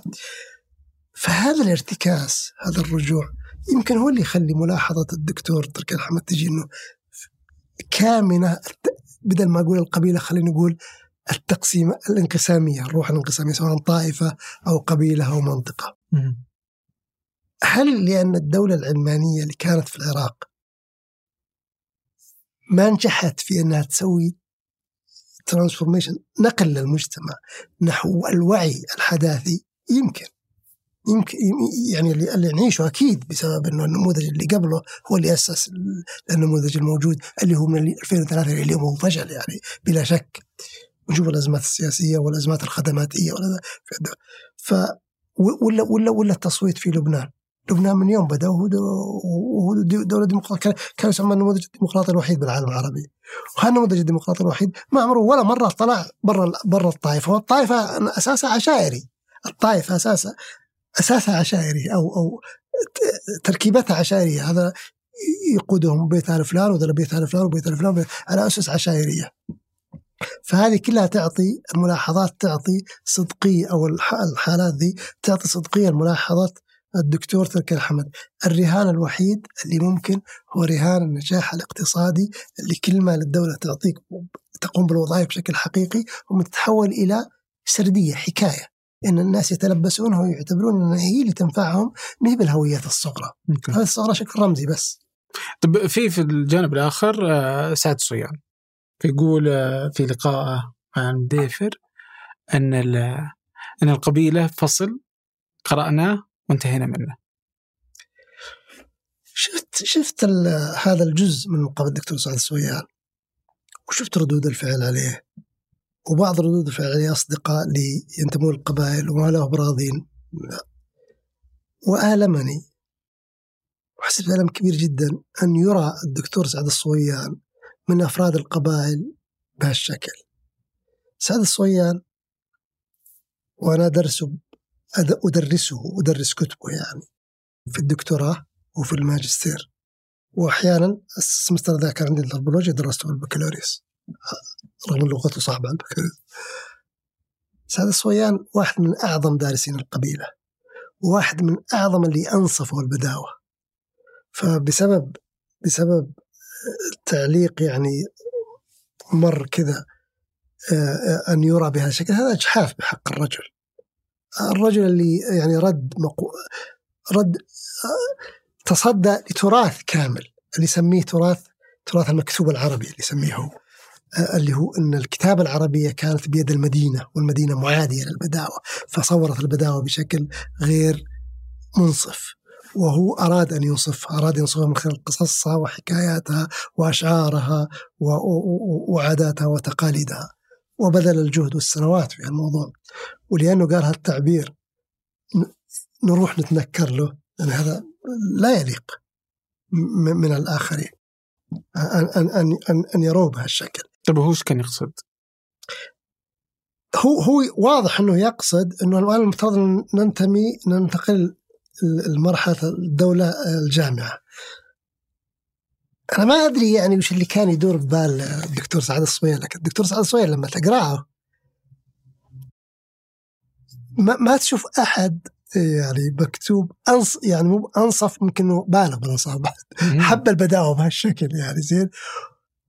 وقاتل ضد ما يسميه النظرة الخلدونية نظرة ابن خلدون اللي كانت حطت من البدو قالت إنهم ضد الاستقرار والعمران والكذا. واعتبر إن التراث الكتابي العربي كله تراث مديني يعني حق مدينة. وهذا التراث المديني ذا بطبيعته لأنهم أهل مدينه هم معادين للبداوة. وحاول أن ينتصر بالمكتوب على على المكتوب المديني حاول أن ينتصر للمكتوب للبدوي عبر المكتوب باعتبار أن البدوي ما كان عنده الشفهي. وإنه كان طبعا الشفهي عبر رجال يروح يعني ونجي شفهي جديد وما ما يستقر يعني. فوش كان يقصد يعني بعد هذه الخدمة العظيمة؟ وأنه قال أن القبيلة فترة وانتهت. هل كان يجي بال الدكتور سعد الصويان أنه اللي أنا سويته ممتاز على مستوى التراث الزمان السابق وأنه لازم نتطلع للمستقبل بعيون مختلفة وأنه نندمج كلنا كمجتمع واحد. اللي هي قضية المواءمة ما بين وش اللي أنت درسته وما بين متطلبات مجتمع حداثي ما يفرق بين بين أصحابه على أساس الخلفية القبلية، هل هذا اللي يدور ما أدري أنا ما تكلمت معه بالموضوع ده، ولكن ما اعرف ما قلته قبل قليل.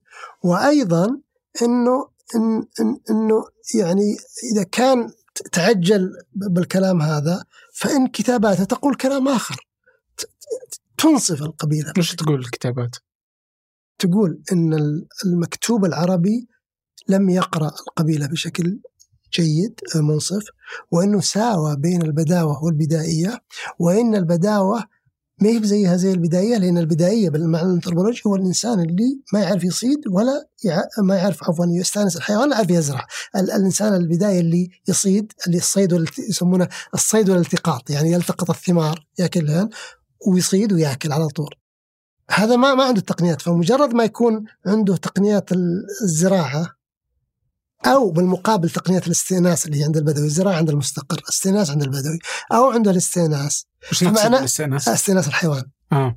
فمعناه أن عنده نظام اجتماعي معقد وبعدين يبدأ يشرح يعني مثلا لما يتكلم عن عملية أنا نسيت وش اسمها ودائما انسى وش اسمها لما البدو يبغون إن الناقة تدرب الحليب وهي ما ما ولدت فيروحون يسوون عملية لعب على الناقة يجون يعصبون عيونها ولا مؤاخذة يحشونها بأحشائها بما يشبه المولود ويأخذونها لعملية ولادة يعني مصطنعة. هم من هي تعتقد أنها ولدت تدر الحليب. هذا ما يجي إلا خيال.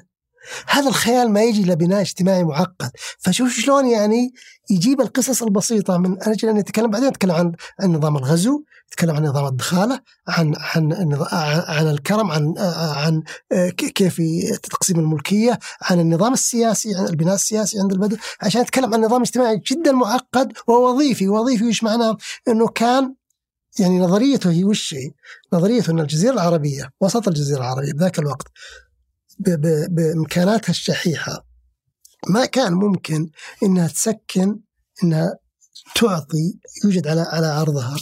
سكان مستقرين فقط. لازم بدو. ولا كان يمكن يوجد على سك... على عرضها بدو فقط. لازم مستقرين. المستقرين يزرعون. ويعطون هذول الحبوب والنخيل والتمر. والضاعنين يعطون دول الثروة الحيوانية. فيقول أنه صار في اعتماد متبادل. الاعتماد المتبادل هذه مصطلح بعلم الاجتماع والانثروبولوجيا بالنظرية الوظيفية. فصار في اعتماد متبادل بين الطرفين وساروا باستمرار. وعنده النموذج اللي يسميه النموذج المحلي إن البداوة قريبة للحضارة عندنا بعكس الحواضر العربية اللي يعني أنت لو تدخل دمشق مثلا زي تروح البيوت الح... آه، مسلسل بيت مش اسمه؟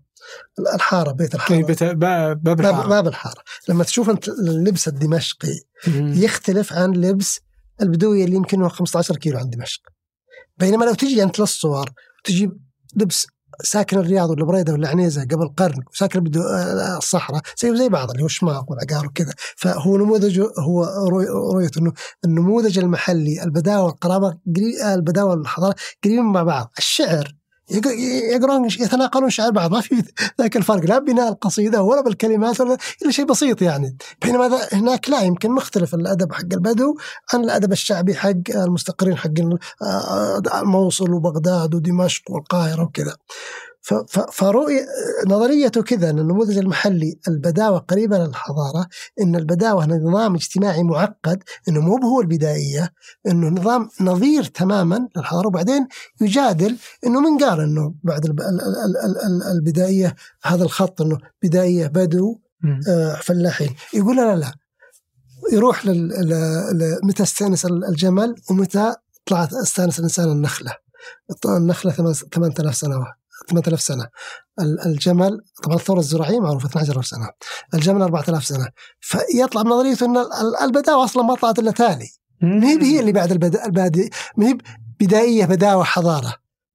لا بدائية حضارة اللي هو استقرار زراعه بعدين طلعت البادية لوجود مناطق سكانية جافة يعني. ويمكن برنامج عيد اليحيى اللي يتكلم عن التحولات المناخية يدعم آه، كلام سعد الصويان فرجل أنصف القبيلة بهالشكل ودافع عنها ضد تراث مكتوب أكثر من ألف سنة يعني. آه، آه، يمكن رأي رؤيته هذه كان وظيفتها بزمن معين لأنه ينظرها بشكل وظيفي. زي ما قلت أنه حاجة السكان ذاك الوقت أنه يكون في نظامين بدو حضر وأنه الآن الدولة كفيلة فالموضوع عاد هل يجب أنها تنحل بشكل كامل ولا ننظر لها كبناء رمزي؟ هذه هذه قضية مختلفة. ما اعتقده شخصيا أنها ستظل طبعا ستظل كبناء رمزي بس عاد قديش البناء الرمزي ذا يعني يكون حاكم على سلوك السكان افراده وكذا ما أدري يمكن مع الوقت يخف يعني في في الحلقة الأولى آه، كنت تقول إن في المجتمع الأمريكي وهذا من ملاحظاتك له انه قدر إنه يحافظ على وجود ويتأقلم مع وجود آه، الثنائية الأمريكي والفرنسي الهويات آه إيه. إيه. فيكون عنده انتمائين إيه. أمريكي فرنسي أمريكي صيني أمريكي إيه. عربي إيه. رمزي لو الأساسي فهذا إيه. مثال ممتاز إيه. ممتاز هو شلون هذا طبعا المجتمع الأمريكي مجتمع مهاجر زيه زي كندا زي العالم الجديد اللي يسمونه زي أستراليا زي, زي أمريكا اللاتينية وهم يحتفون بهالشيء ما عندهم عيب فيه. آه، أول ما رحت هناك سنة 98 ما أدري أنا قلت المثال ذا ولا لا كنت ساكن بالدورم اللي هو السكن الجامعي. فكان في كأس العالم 98 اللي لعبت فيه السعودية في فرنسا. فكنت أسولف مع هذول الأمريكان. فيجون يشجعون فرق هذا يشجع فرنسا هذا يشجع إيطاليا هذا يشجع ألمانيا علشان أجداده. هذا الماني وهذا أجداد فرنسا وهذا أجداد فهي رمزي يعني رمزي. لكن صار آه، هجوم آه، سبتمبر 11 وأنا كنت موجود هناك.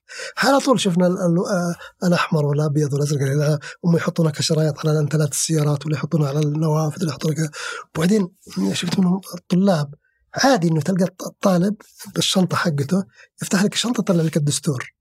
الدستور صغير نسخة. هذه السردية الوطنية اللي اتكلم عنها. واحد يشيل الدستور يوميا معه. زي زي ما واحد يشيل مثلا كتاب مقدس ولا كذا فزي ما هي الانتماء الرمزي ذا اللي أنا فيني دماء ألمانية فرنسية ما عارف إيش. لكن ال ال الوطن هو ال هو ال اللي قلنا عليه structural ties اللي هي الروابط آه البنائية اللي تمكنني من العيش اليوم. اللي على اساسها أعيش. فممكن البناء الرمزي داخل البناء الحقيقي بس الناس ككائنات عقلانية ارتباطها بالحقيقي. الرمزي يشبع حاجات رمزية لكن مو هو اللي يشبع حاجتي للرخاء واني أعيش حياة مرتاحة وإلى آخره. طيب لو اسقطناها على وطننا هل إحنا فشلنا في الجمع ما بين هذه الانتماءات؟ فتجد إنه الانتماء أما الإسلام وأما الوطن القبيلة أو الوطن. بصراحة أنا ما أشوف أن القبيلة تتعارض مع الوطن بشكل كبير إذا هي على مستوى رمزي. إذا هي على مستوى رمزي. هي مثلا زي بالحالة حالات عربية أخرى شفناها ممكن. فهي حسب حسب قديش الدولة ناجحة بأنها تقنع السكان أنها هي الهوية الجامعة لهم. الإسلام التصور التصور أولا أن طبعا المسلمين زمان قبل الدولة الوطنية يسمون رعايا رعايا الخليفة. ما في كلمة مواطنين. يعني مثلا نفرض إنه الخليفة ولا الخلافة ولا السلطنة فيها فيها ولا ولاية ملوكية زي مصر زي فيها مواطني مسلمين وفيها من سكان البلاد من هم غير مسلمين. فيسمون هذول ذميين وذلك يسمون رعايا لما جت التنظيمات العديدة جت فكرة مواطن. مواطن ذا زي ذا يعني. ياخذ جنسية خلاص زي بعض. فجت فترة قلق للخطاب الإسلامي على على أنه يتكيف مع المتغيرات. أنه أنه يشوف أنه ما في تناقض ما بين الدولة الوطنية وما بين الهوية الدينية. يعني مثلا لما سقطت الخلافة العثمانية 1924 أسقطها كمال أتاتورك علي عبد الرازق آه، طلع كتاب اللي هو اسمه الحكم الإسلام وصول الحكم. يمكن يمكن الظاهر بالسنتين الأولات طلع 100 كتاب رد عليه. هو كتاب صغير. فوش يقول؟ هو علي عبد الرازق يقول إن الإسلام دين فقط وليس دولة. هو يمكن يعني أخذوا الحماس أكثر من اللزوم يعني. فقال أن النبي صلى الله عليه وسلم هو نبي ورسول فقط وهو رجل دين أزهري وليس رجل وليس ملك يعني. طبعا الحقائق التاريخية لا تدعم كلامه لأنه الخلفاء كانوا آه، تأسوا بالنبي صلى الله عليه وسلم وقاموا دولة الإسلام. لكن ما الكلام الكويس بكلام عبد الرزاق أو المهم بكلام علي عبد الرازق إن الإسلام ما في نص يقول لازم خلافة ما في نص يقول لازم المسلمين يكونوا دولة واحدة. ما في نص يقول لازم يكونون ملكية ما في نص يقول لازم يكونون جمهورية. بالتالي التنظيمات السياسية تبعا للمتغيرات حقت العصر. فهذا القلق ما بين الهوية الدينية والهوية الوطنية هو قلق مصطنع. استمر تقريبا قرن من يوم سقوط الخلافة آه، العثمانية. غزو صدام حسين للكويت أيقظ كثير من الخطاب الديني. إنه إذا أنتم تؤمن بهالشيء ترى هذا اللي صدام حسين ترى سواه ترى تطبيق لهالموضوع اذا لازم الخطاب نفسه يتحول أن يحتفي بمنتج الدولة الوطنية وأنه هذا ما يتعارض مع مع الهوية الدينية.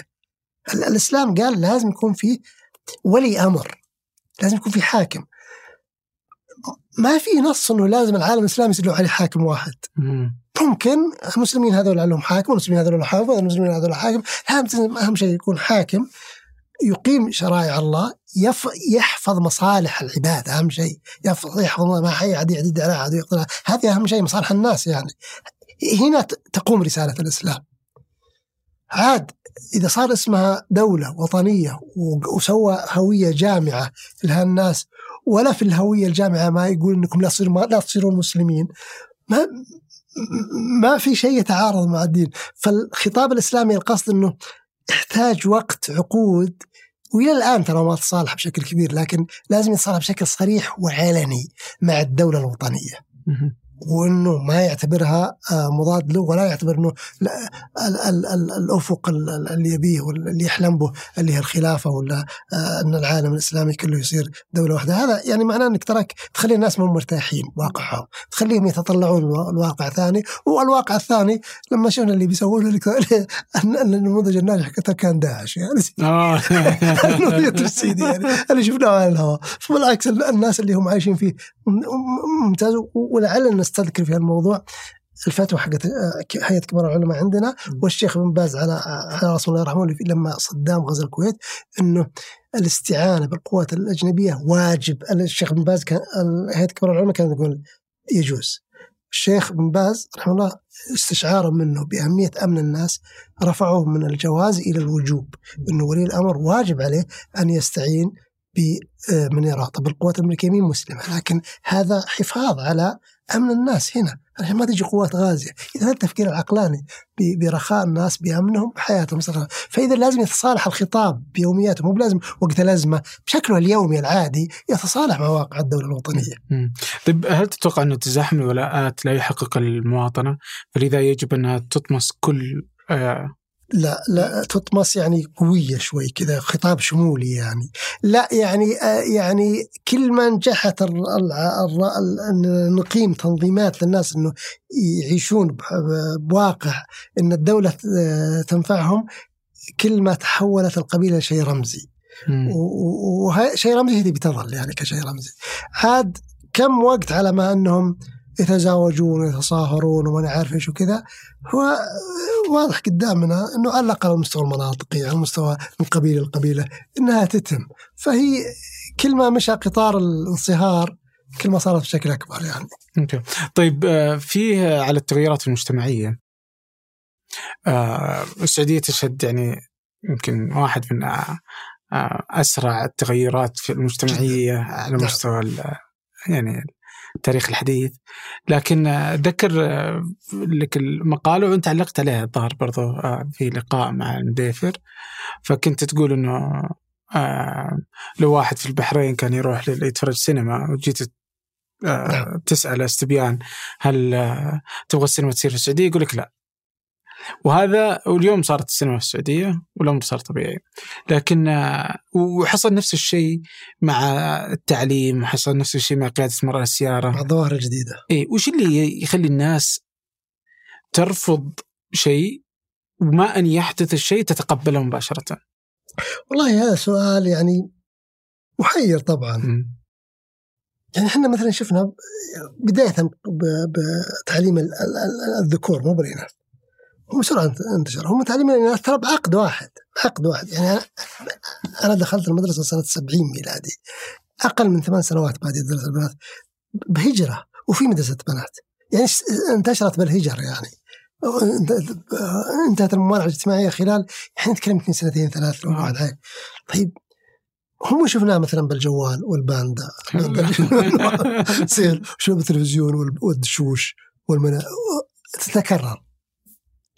ليش يرفضون الناس؟ ليش ما يصيرون منفتحين على الجديد قبل ما يجي؟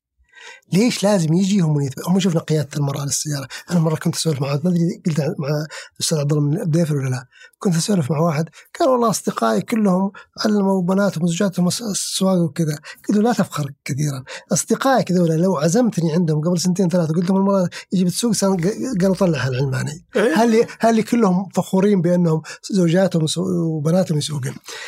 فليش الناس يعارضون الشيء؟ هم من هو ما فيها الأخطار اللي هم يتوقعونها بالعكس يكونون هم اللي يبادرون فيه بعدين. يمكن يمكن وطبعا هذه فرضية. إنه الذهنيه ذهنية زهديه ذهنية زهديه مي بذهنيه رجال الأعمال. مي بذهنيه الاقتحام. رجال الأعمال معناه اقتحام جرأة اكتشاف المجاهيل دور الشيء اللي ما أدري. الذهنيه الذهنية الزهدية تحافظ انها تحاول إنها تحافظ على الشيء زي ما هو ولا ولا يتغير تخاف من التغيير. الذهنية اللي انبنت لقرون لأنه طبعا العالم كله تقريبا كان زهدي ما في رخاء. ففي كيف؟ ما بالك بالجزيرة العربية اللي ظروفها المناخية والطقسية يلا آه، توكل شعبها ومن عارف ما في ذاك الرخاء ما في ذاك الانهار ما في ذاك الثروة الحيوانية الكبيرة. ف هل التهنئة الزهدية اللي انبنت على قرون صارت تخاف من أي جديد؟ هم بعدين لم... لكن لاحظ شيء. لاحظ شيء. لما تيجي الظواهر ما يطول الممانعة ما تطول. وهذا معناه أنه في مقدار عالي من التكيف. يعني مهما كان ال verbal الأداء اللفظي الممانع قبل ما يصير الشيء تبي سينما؟ لا ما بي سينما. طيب حط سينما يلا رحنا السينما. تبي سواق السيارة لا لا؟ قعدنا سنوات وهي قضية تماما. يا زين. وبعدين يوم سمح النساء قياده السيارة صاروا الناس يشترون بناتهم وزوجاتهم سيارات ويروحون وكذا ويكتشفون إنه أطفالهم يروحون مع نساء. الولاية يعني إسقاط الولاية. إسقاط الولاية يعني ما كان يتخيل. بالضبط. ف, ف عندك ظاهرتين متعارضتين. الممانعة اللي قد تكون ناتج عن حذر الذهنية الزهدية اللي ما تقتحم هم من التكيف اللي هو معاكس للممانعة التكيف سرعة التكيف. من جاء أنا بصراحة معجب بالتكيف حق المجتمع السعودي والمجتمع الخليجي بشكل عام. وعندي نظرية ما أدري قلتها عن ولا عندك قلت عن غيره إن المجتمعات الخليجية أسرع من المجتمعات العربيه تكيفا مع, مع شروط الحداثة. ولاحظت أنا شيء. لما لما كنت بال بال بال, بال لما تكون بالبعثه اذا إذا مدينة صغيرة يصيرون المجتمعات العربيه كانوا مجتمع واحد. فصرنا الزوجات يعرفون بعض والازواج يعرفون بعض. لاحظت إن الخليجيين علاقاتهم بزوجاتهم الرجال الأزواج الخليجيين أكثر لطف مع زوجاتهم من نظرائهم الأردنيين والمصريين والسوريين. طبعا هذا تغير سريع. أتكلم قبل 15 سنة يعني الكلام ذا. يمكن طبعا بسبب الرخاء الاقتصادي للمجتمعات يعني والرخاء يخلي الإنسان مرتاح ومتنعم وكذا. الآن لما أشوف علاقة الآباء بالأبناء البنات بالأبناء البنات في سوق العمل العمل المختلط اللي اللي شفنا فتياتنا صارت قياديات وكذا بشكل مذهل يعني. فهذه علامة تكيف. أنا أعتقد أن بعض المجتمعات العربية لا تستطيع أن تنجزها طيب شلون صرنا متكيفين بهالشكل وحنا ممانعين يعني العكس تماما. هل إن اللي حصل خلال 40 سنة اللي من الطفرة اللي هي نرجع لل structural ties الروابط الروابط البنائية اللي إن الدولة وضعتنا على سكة أنه من بيوت صغيرة لبيوت أكبر بيوت حديثة رواتب أكبر مدارس آه، آه، سفر برا بعثات بالصيف نسافر برا سيارات كويسة آه، تلفزيونات دشوش بعثات كويس. هل هذه على على مدى العقود خلت في مرونة بالتفكير وتكيف وعقلانية أكثر؟ يمكن.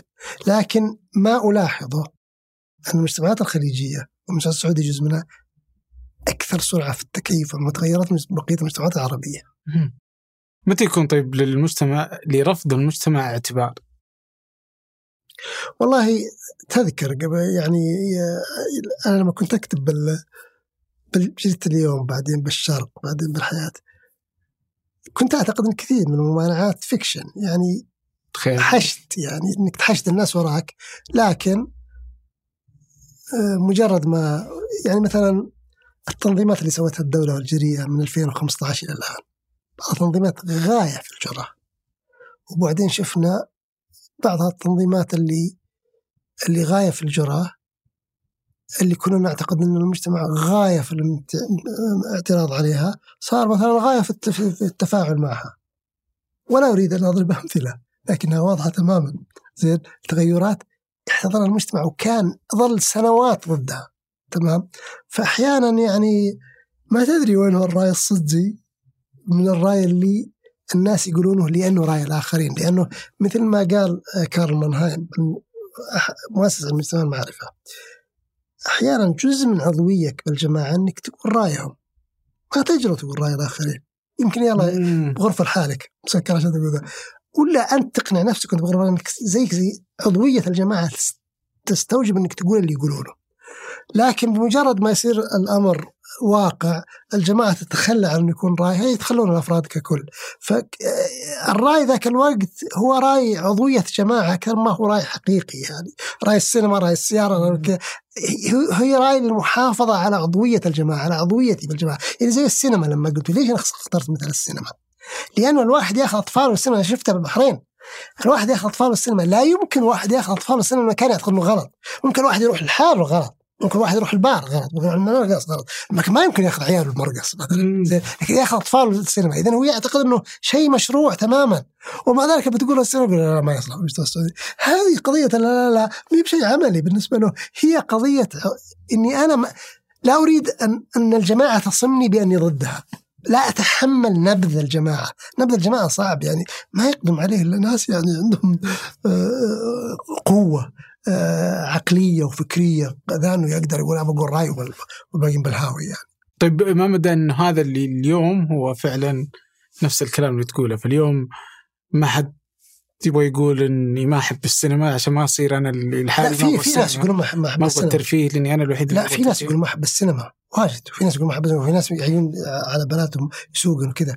لكن مو هو بالمجتمع في ناس ليس المجتمع ككل. في ناس يروحون للسينما في ناس ما يحبون السينما في ناس يرضون بناتهم آه، يعمل بمكان مختلط في ناس ما يرضون. اذا المجتمع هو هذا لا يوجد مجتمع إنه هو الواحد والرأي الواحد. كل ما صرت مجتمع حديث المجتمع متعدد ومتنوع ومتركب. وطبيعي إنه يصير فيها هذا الشيء ويصير فيها والقانون هو اللي يحدد. مثلا القانون قد يمنع إنه واحد آه، آه، يمنع بنته من السوق. هذه قضية قانونية إذا هي إذا هي متضايقة تقدر تأخذ حقها بالقانون. وإذا ولا وإذا هي مفضلة إنه البر بالوالدين تسمع عنه هي حرة يعني. لكن ما قلنا إن المجتمع كلهم صاروا يسوقون ولا كلهم يروحون للسينما. لكن صار له سوق وسوق كبيرة جدا. وشفنا أنا ناسي ارقام لكن اذكر انها عالية جدا. نمو إيرادات السينما. أعتقد إنه أكثر شيء خليجي بالسعودية. إي لا لا السعودية. حققتها في أول ظهر شهرين إي إي. من دخ... من افتتاح إذن- الصالات. صارت الأولى خليجيا. اذا sizable يعني قطعة كبيرة من المجتمع مقدمة على آه هذا وشفنا نشاطات الترفيه مثلا مم. والأشياء هذه. okay. إيه، يعني من نشاطات الترفيه لفتني آه، يعني بريدة عندها شخصية ال تكيف. لا المطوعة. اي مطوع اي وإنك أنت رحت بريدة في آه، يعني في بعد اليوم الوطني. في اليوم الوطني. وشفت مشهد مختلف. بس آه، بس قبل تحكيني وش صار في وكيف لاحظته شلون تكتسب المدينة شخصية؟ يعني كيف تصير بريدة مطوعة باريس حب آه آه لندن ضباب؟ أول شيء خلينا نجي لبريد. طبعا أنا بريد زين. ال- ال- و- وس- وواحدة التخرج والبكالوريوس كان عن عن ليش بريده وعنيزه مختلفات من ناحية الشخصية. و لما نجي لتا- طبعا هذا بحث تاريخي لازم تروح تروح التاريخ تشوف العوامل لما نجي لتاريخ المدينة هي آه، زيها زي عنيزة صارت مدينة تقريبا 1200 هجري 1200 هجري اللي هي اللي هي مع الانضمام للدولة السعودية هذه بريدة ولا نيس؟ كل الثنتين كل الثنتين؟ بوقت واحد هذه 1399 هذه 1200 آه، ب- بريده متى يعني بالنسبة لي متى صارت مدينة؟ لما صدت هجوم آه، سعدون بن العريعر اللي جاي من الأحساء هاجمها ليش تصير تبع مشروع الدرعية تبع الدولة السعودية. فصار لها سور فاستطاعت إنها تصد الحاكم القوي ابن عريعر فمن ذاك الوقت صارت تقود ال- ال- ال- الإقليم. صارت مدينه يعني زي نفس الشيء توحد الثلاث آه، بلدات وصار لها سور واحد. بالتالي صارت بلدة أو مدينة. كل الثنتين يعني. لما نجي لبريدة مثلا من 1200 هجري اللي صار لها سور وصار لها حاكم وصار صارت صار اللواء بالحرب يعني. وبيقولون حجينا بن محمد حاكمها بذاك الوقت يغزو باسم الدولة السعودية الأولى وصل إلى نقرة الشام يعني إلى شمال الجوف وكذا. ال ال 1200 هجري يعني إلى من 1300 هذا القرن الثالث عشر الهجري. زين؟ بهالقرن الثالث عشر الهجري تطورت تجارة العقيلات. من الظاهرة اللي قلناها قبل شوي ظاهرة عمالية إلى تجارة إلى إلى ثراء إلى يجون التجار يش- يشترون من البدو رعايا غنم. الرعايا ال- الإبل يعني من 80 إلى 90 إلى 100 إب- الرعية الواحدة يعني راس من هم يروحون يبيعونها ببغداد ودمشق وب- والقاهرة و- والأشياء هذه والخيول وال- ويجيبون بالمقابل بضائع فإذا على مدى قرن كامل وهي قاعدة تت- تتطور فيها طبقة تجارية. طبقة تجارية أربطت المدينة بالتجارة الدولية. مم. التجارة الدولية وهذا الكلام نفس الشيء عند عنيزة يعني. على على نهاية القرن الثالث عشر الهجري 1300 و يعني بداية القرن الرابع عشر الهجري. نجي نلقى ال- ال- البلدة والمدينة أيا كان فيها شيئين. فيها التعليم الديني السلفي وفيها طبقة التجار دولة اللي حقين تجارة دولية. ففي أحشاء المدينة يوجد عنصرين آه، لهم رؤيتين مختلفتين. التعليم الديني كان تعليم زهدي. زين. كان مثلا يرى إن السفر خارج الجزيرة العربية هي بلاد مشركين واللي يجي لازم يست... يعني ثلاثة أيام ما يسلمون عليه وكذا وكذا. فهذا شيء محافظ هذا أكسب المدينة المحافظة. بالمقابل التجار وهم طبعا آه، أقارب الدولة ويحترمون المشايخ كل شيء. مقابل التجار تجارتهم مع, هالاقطار دي مع مصر ومع الشام ومع العراق اللي ترى أنها مي بلاد مسلمين. ففي في حتى في رؤية دينية يعني آه، تناصر التجار. لكن بالأخير آه، انتصرت الرؤية الزهدية. إنه إنه هذا غلط وما يصير. بالذات مع الاستعانة يعني ما نحتاج المتاجرة مع ذا لأنه قامت الدولة الوطنية خلاص صار في حدود وكذا وما أنت بحاجة للتجارة دي ف صعد الخطاب المشيخي هذا. الخطاب المشيخي ذا صبغ المدينة بصبغتها المحافظة. مع أن المدينة في إحشاء شيئين يعني. التعليم الديني اللي مثلا لما قامت الدولة السعودية أمدها بألف تقريبا أو أكثر من اللي صاروا قضاة بعدين ومرشدين دينيين وقادوا المجتمعات المحلية الصغيرة في الهجر لأنهم يتقبلون فكرة الدولة والاستقرار وإلى آخره. فكان في حاجة الدولة كانت الدولة في حاجة لهذا الخطاب يعني. هو المجتمع ككل بحاجة للخطاب. والتجارة اللي مع التجارة الدولية. فزمنيا يعني بذاك الظرف كان يروح لأنه الرؤية الدينية هي اللي تتغلب. وبالتالي صبغت المدينة صارت شخصية محافظة. طيب الآن صار في متغيرات جديدة. صار في المجتمع تغير. وقلنا وكل وكل كلنا يعرف إن المجتمع تغير ذا لما شفنا باليوم الوطني إلى إلى بريده وهذا ما تختلف عن الرياض وعن آه، المدن الكبيرة ذي. وفيها لما رحت بذاك اليوم مركزها اللي هو الجرده لقيته مظلم اللي هو الوطني ما في أحد. بينما المشتعل هو الشمال. شمال المدينة اللي هو الحياة الجديدة في شارع الشارع البخاري معروف جدا. وشارع بجنبه مليان سيارات وناس هل البخاري نسبة للإمام البخاري ولا اسمه مطعم بخاري؟ لا الإمام البخاري اسمه شارع البخاري. اسمه كذا. شكلي جوعان. إيه. بعدين ف... فلما تشوف الشارع تفاعلات الناس مع بعض سلوكياتهم أنت تتكلم عن مجتمع متكيف بشكل سريع زي ما تتكلم عن المجتمع السعودي ككل. فالتكيف هذا هو عنصر من عناصر من, من يعني سمة من سمات التاجر. اللي اللي يستطيع أن يتكيف بسرعة مع البيئات. فلا يزال في المدينة يعني خلينا نقول نمطها العملي البراكتيكال هذا اللي آه، ينتقل من شخصية المحافظ إلى شخصية ال ال ال يعني أنا لي صديق هناك ساكن بريدة. رجال بسني وكذا هوايته يركب دباب. فيها تفريع لهالدرجة وفي له أصدقاء يركبون الدبابات يروحون بالمدينة وكذا ويتمشون وكذا بهالشكل. فالتحول سريع في المدينة. هذا التحول من المحافظ من شخصية المحافظ إلى شخصية الجلوبال في المقاهي ومقاهي وكذا هي سمة من سمات الشخصية التجارية واحتفظت بها المدينة وأثبتت أنها قادرة عليها. بس لا يفاجئني يعني. بس إيش اللي يخلي مدينة تكتسب مثلا آه، شخصية؟ و يعني إيش اللي خلى بريدة يعني مثلاً محافظة وعنيزة أكثر انفتاحا؟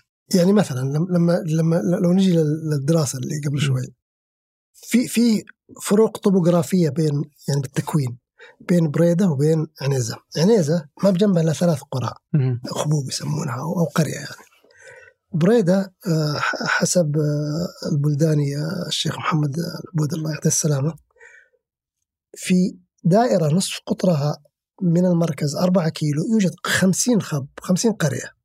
فأنت تتكلم عن بلدة محاطة بالأرياف بشكل كبير جدا قرية قرية قرية زي تقريبا لما نروح الباحة ونشوف اللي بجنبها القرى. هذولا نتاجهم الزراعي يروح للمدينة ويتقضون من المدينة. والبدو حقين المنطقة كانوا يخيمون حول المدينة ويتقضون منها. فالبلدة ما هي بلدة مدينة هي بلدة لظهيرها الريفي. فهي معطية الريفي الأمان. ترى زيك. ترى ريفي يعني. ترى ريف كبير. بينما هذا الواقع الطبوغرافي اللي النقط الريفية الكبيرة جدا مو موجود بعنيزة. موجود بس مجرد ثلاث قرى. فكان واحد لما سويت الدراسة رحت أقابل الاستاذ عبد الرحمن الله يرحمه يعني واحد مثقفين عنيزه فكان يقول لما كنا نطلع للبر يجون البدو زمان بس بس الستينات الميلادية من بعيد يقول يعرف أنت من راعي بريدة ولا عنيزة؟ هي بين 25 كيلو البدو يعرف إن هذولا من البريده شلون باللبس؟ اللبس المديني الاكثر هو لبس حقنا أهل عنيزه فهذه شيء. إضافة إلى العامل المشيخي اللي قلناه قبل شوي. ان صارت مركز تعليم ديني. فالثنتين ذولي يعني تفاعل الثنتين ذولي العامل الديني التدريس الديني والعامل الطبوغرافي مع بعض. وطبعا الخزان الغربي لبريدة اللي هو الخبوب والخبوب هو اللي يضخ البشر بالتعليم الديني إنهم التعليم الديني راكب على شخصية الريفي المحافظ. فاثنين العاملين يتفاعلوا وعطوا المدينة الشخصية المحافظة ولا صارت تجار يعني صاروا جزء من النسيج ما فرضوا يعني شخصيتهم على المدينة أكثر. صاروا العاملين ذولي أكبر. الآن نشوف الجانب زي ما قلت العملي بالتكيف واضح يعني. طيب ملاحظتك لأنه يوم رحت تقول وسط المدينة فكان وسط المدينة خاوي قبل خمسين سنة كان هو الأساس كان سعر المتر ب 3000 ريال إيه؟ واليوم خاوي إيه؟ وانتقل الناس إلى الشمال طبعا إيه؟ هذه بالمدن السعودية كثير. اي وش اللي يخلي السعوديين ينتقلون من الماضي ما أدري هذه ظاهرة غريبة. هذه ظاهرة المفترض إنها تدرس بالمجتمع الحضري. طبعا في مدرسة شيكاغو بالمجتمع الحضري. هي رأيها إن المركز مع الوقت هي دوائر. المركز مع الوقت ما يسكن فيه إلا الطبقات الهامشية.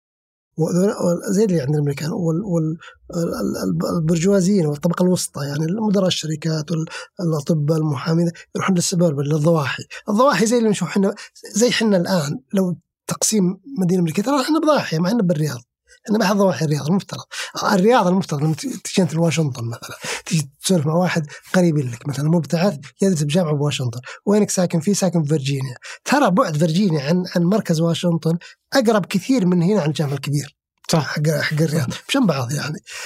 فبيننا وبين الديره الحين يمكن layers دوائر من من من ال suburban والضواحي فمدرسه شيكاغو تقول كذا انه إنه السكان يعني الحي يشيخ مع الوقت بعدين يطلعون الناس الدائره أكثر حداثة.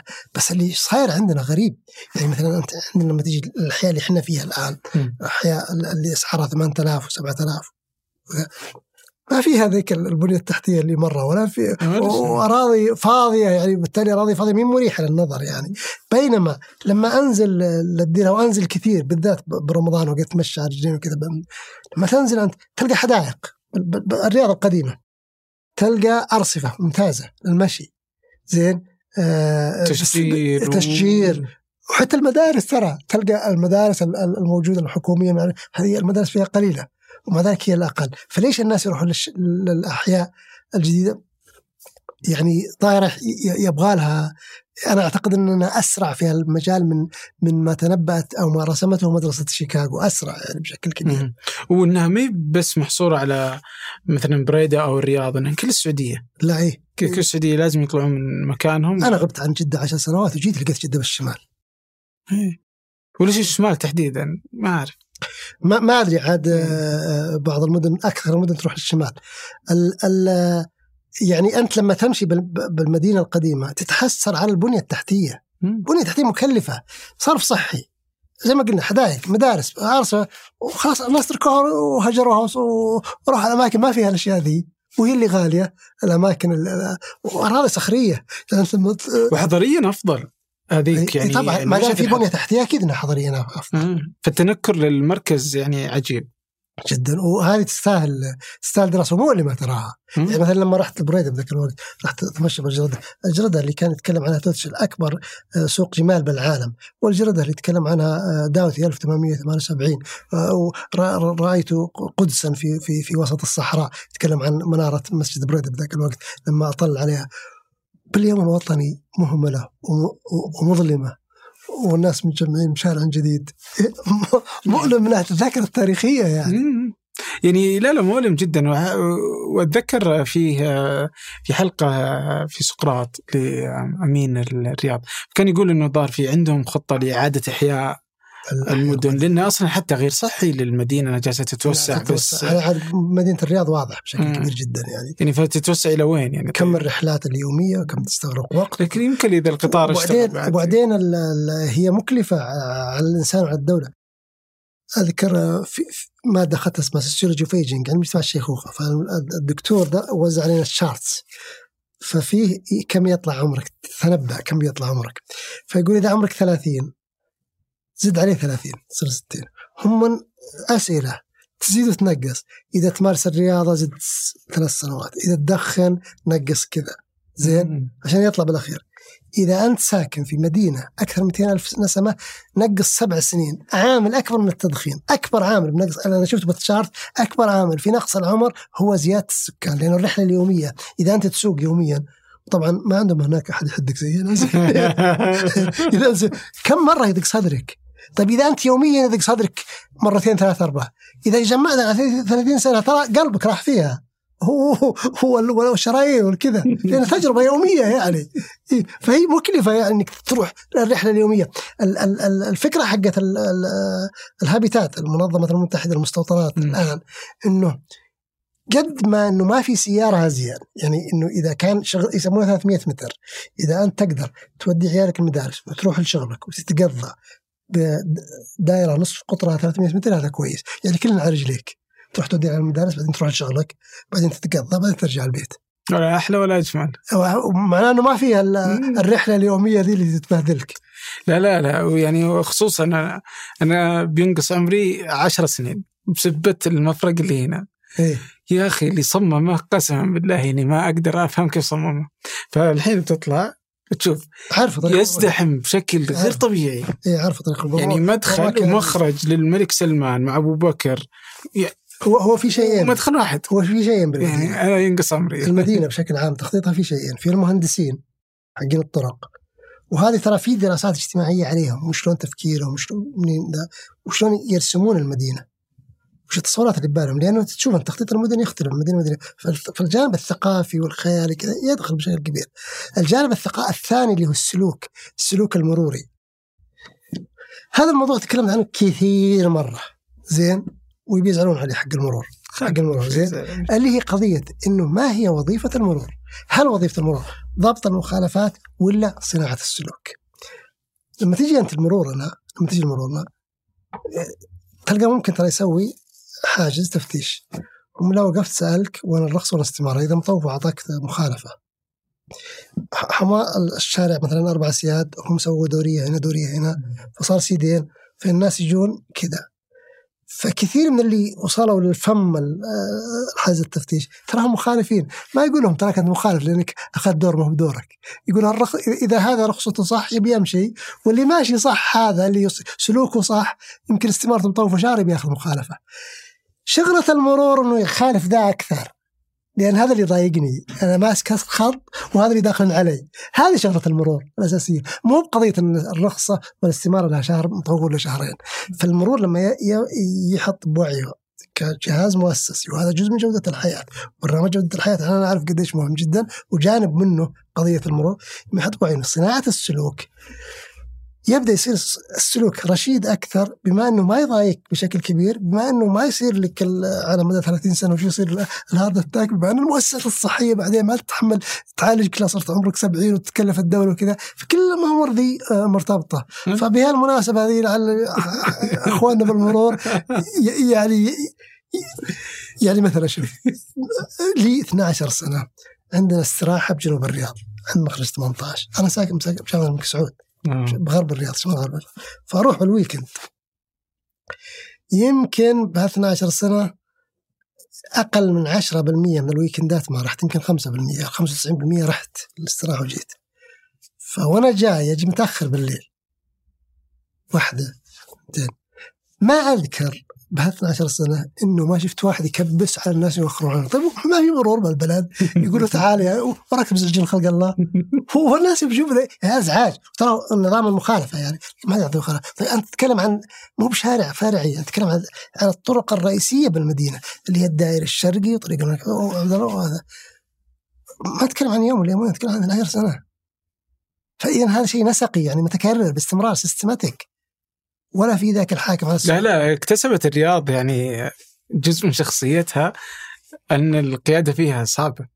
يعني متهور. يستطيع يستطيع جهاز المرور أن يسيف سمعة المدينة. ويسيف صح سكانها إنه ينتبه للجانب السلوكي. طبعا هم يسيف؟ يعني يأمن. زين. يدافع عن سمعه المدينة. طبعا هم حاطين الآن بال... وأنت المحلي. إذا رحت لل دخلت في بعض آه مداخل الكاميرات إيه. ممتاز. ممتاز جدا. هذا لو تعامل مع الكاميرا على اللي يكبس مثلا اللوحات اللي إيه يحطوا كاميرات اللي يكبس مخالفه بالضبط بالذات إذا كان استخدام بشكل مزج فالقضية قضية السلوك صناعة السلوك. مم. أي أحد عنده سيارة فورد ولا كيا كدنزا خالف على طول. تميزي آه الله يعطيك العافية. تسلم. شكرا جزيلا والله قضينا؟ قضينا. ما شاء الله. شكرا لك شكرا لكم والشكر كذلك لعمر العمران وأيمن الحمادي في إعداد هذه الحلقة. وخلف الكاميرات ياسر الغانم مدير التصوير هادي مأمون وفي الهندسة الصوتية محمد الحسن وفي التحرير عدي عيسى وإنتاج صالح باسلامة وفي الإشراف على إذاعة ثمانية سحر سليمان. هذا فنجان أحد منتجات شركة ثمانية للنشر والتوزيع. ننشر كل الإنتاج بحب من مدينة الرياض. الأسبوع المقبل ألقاكم.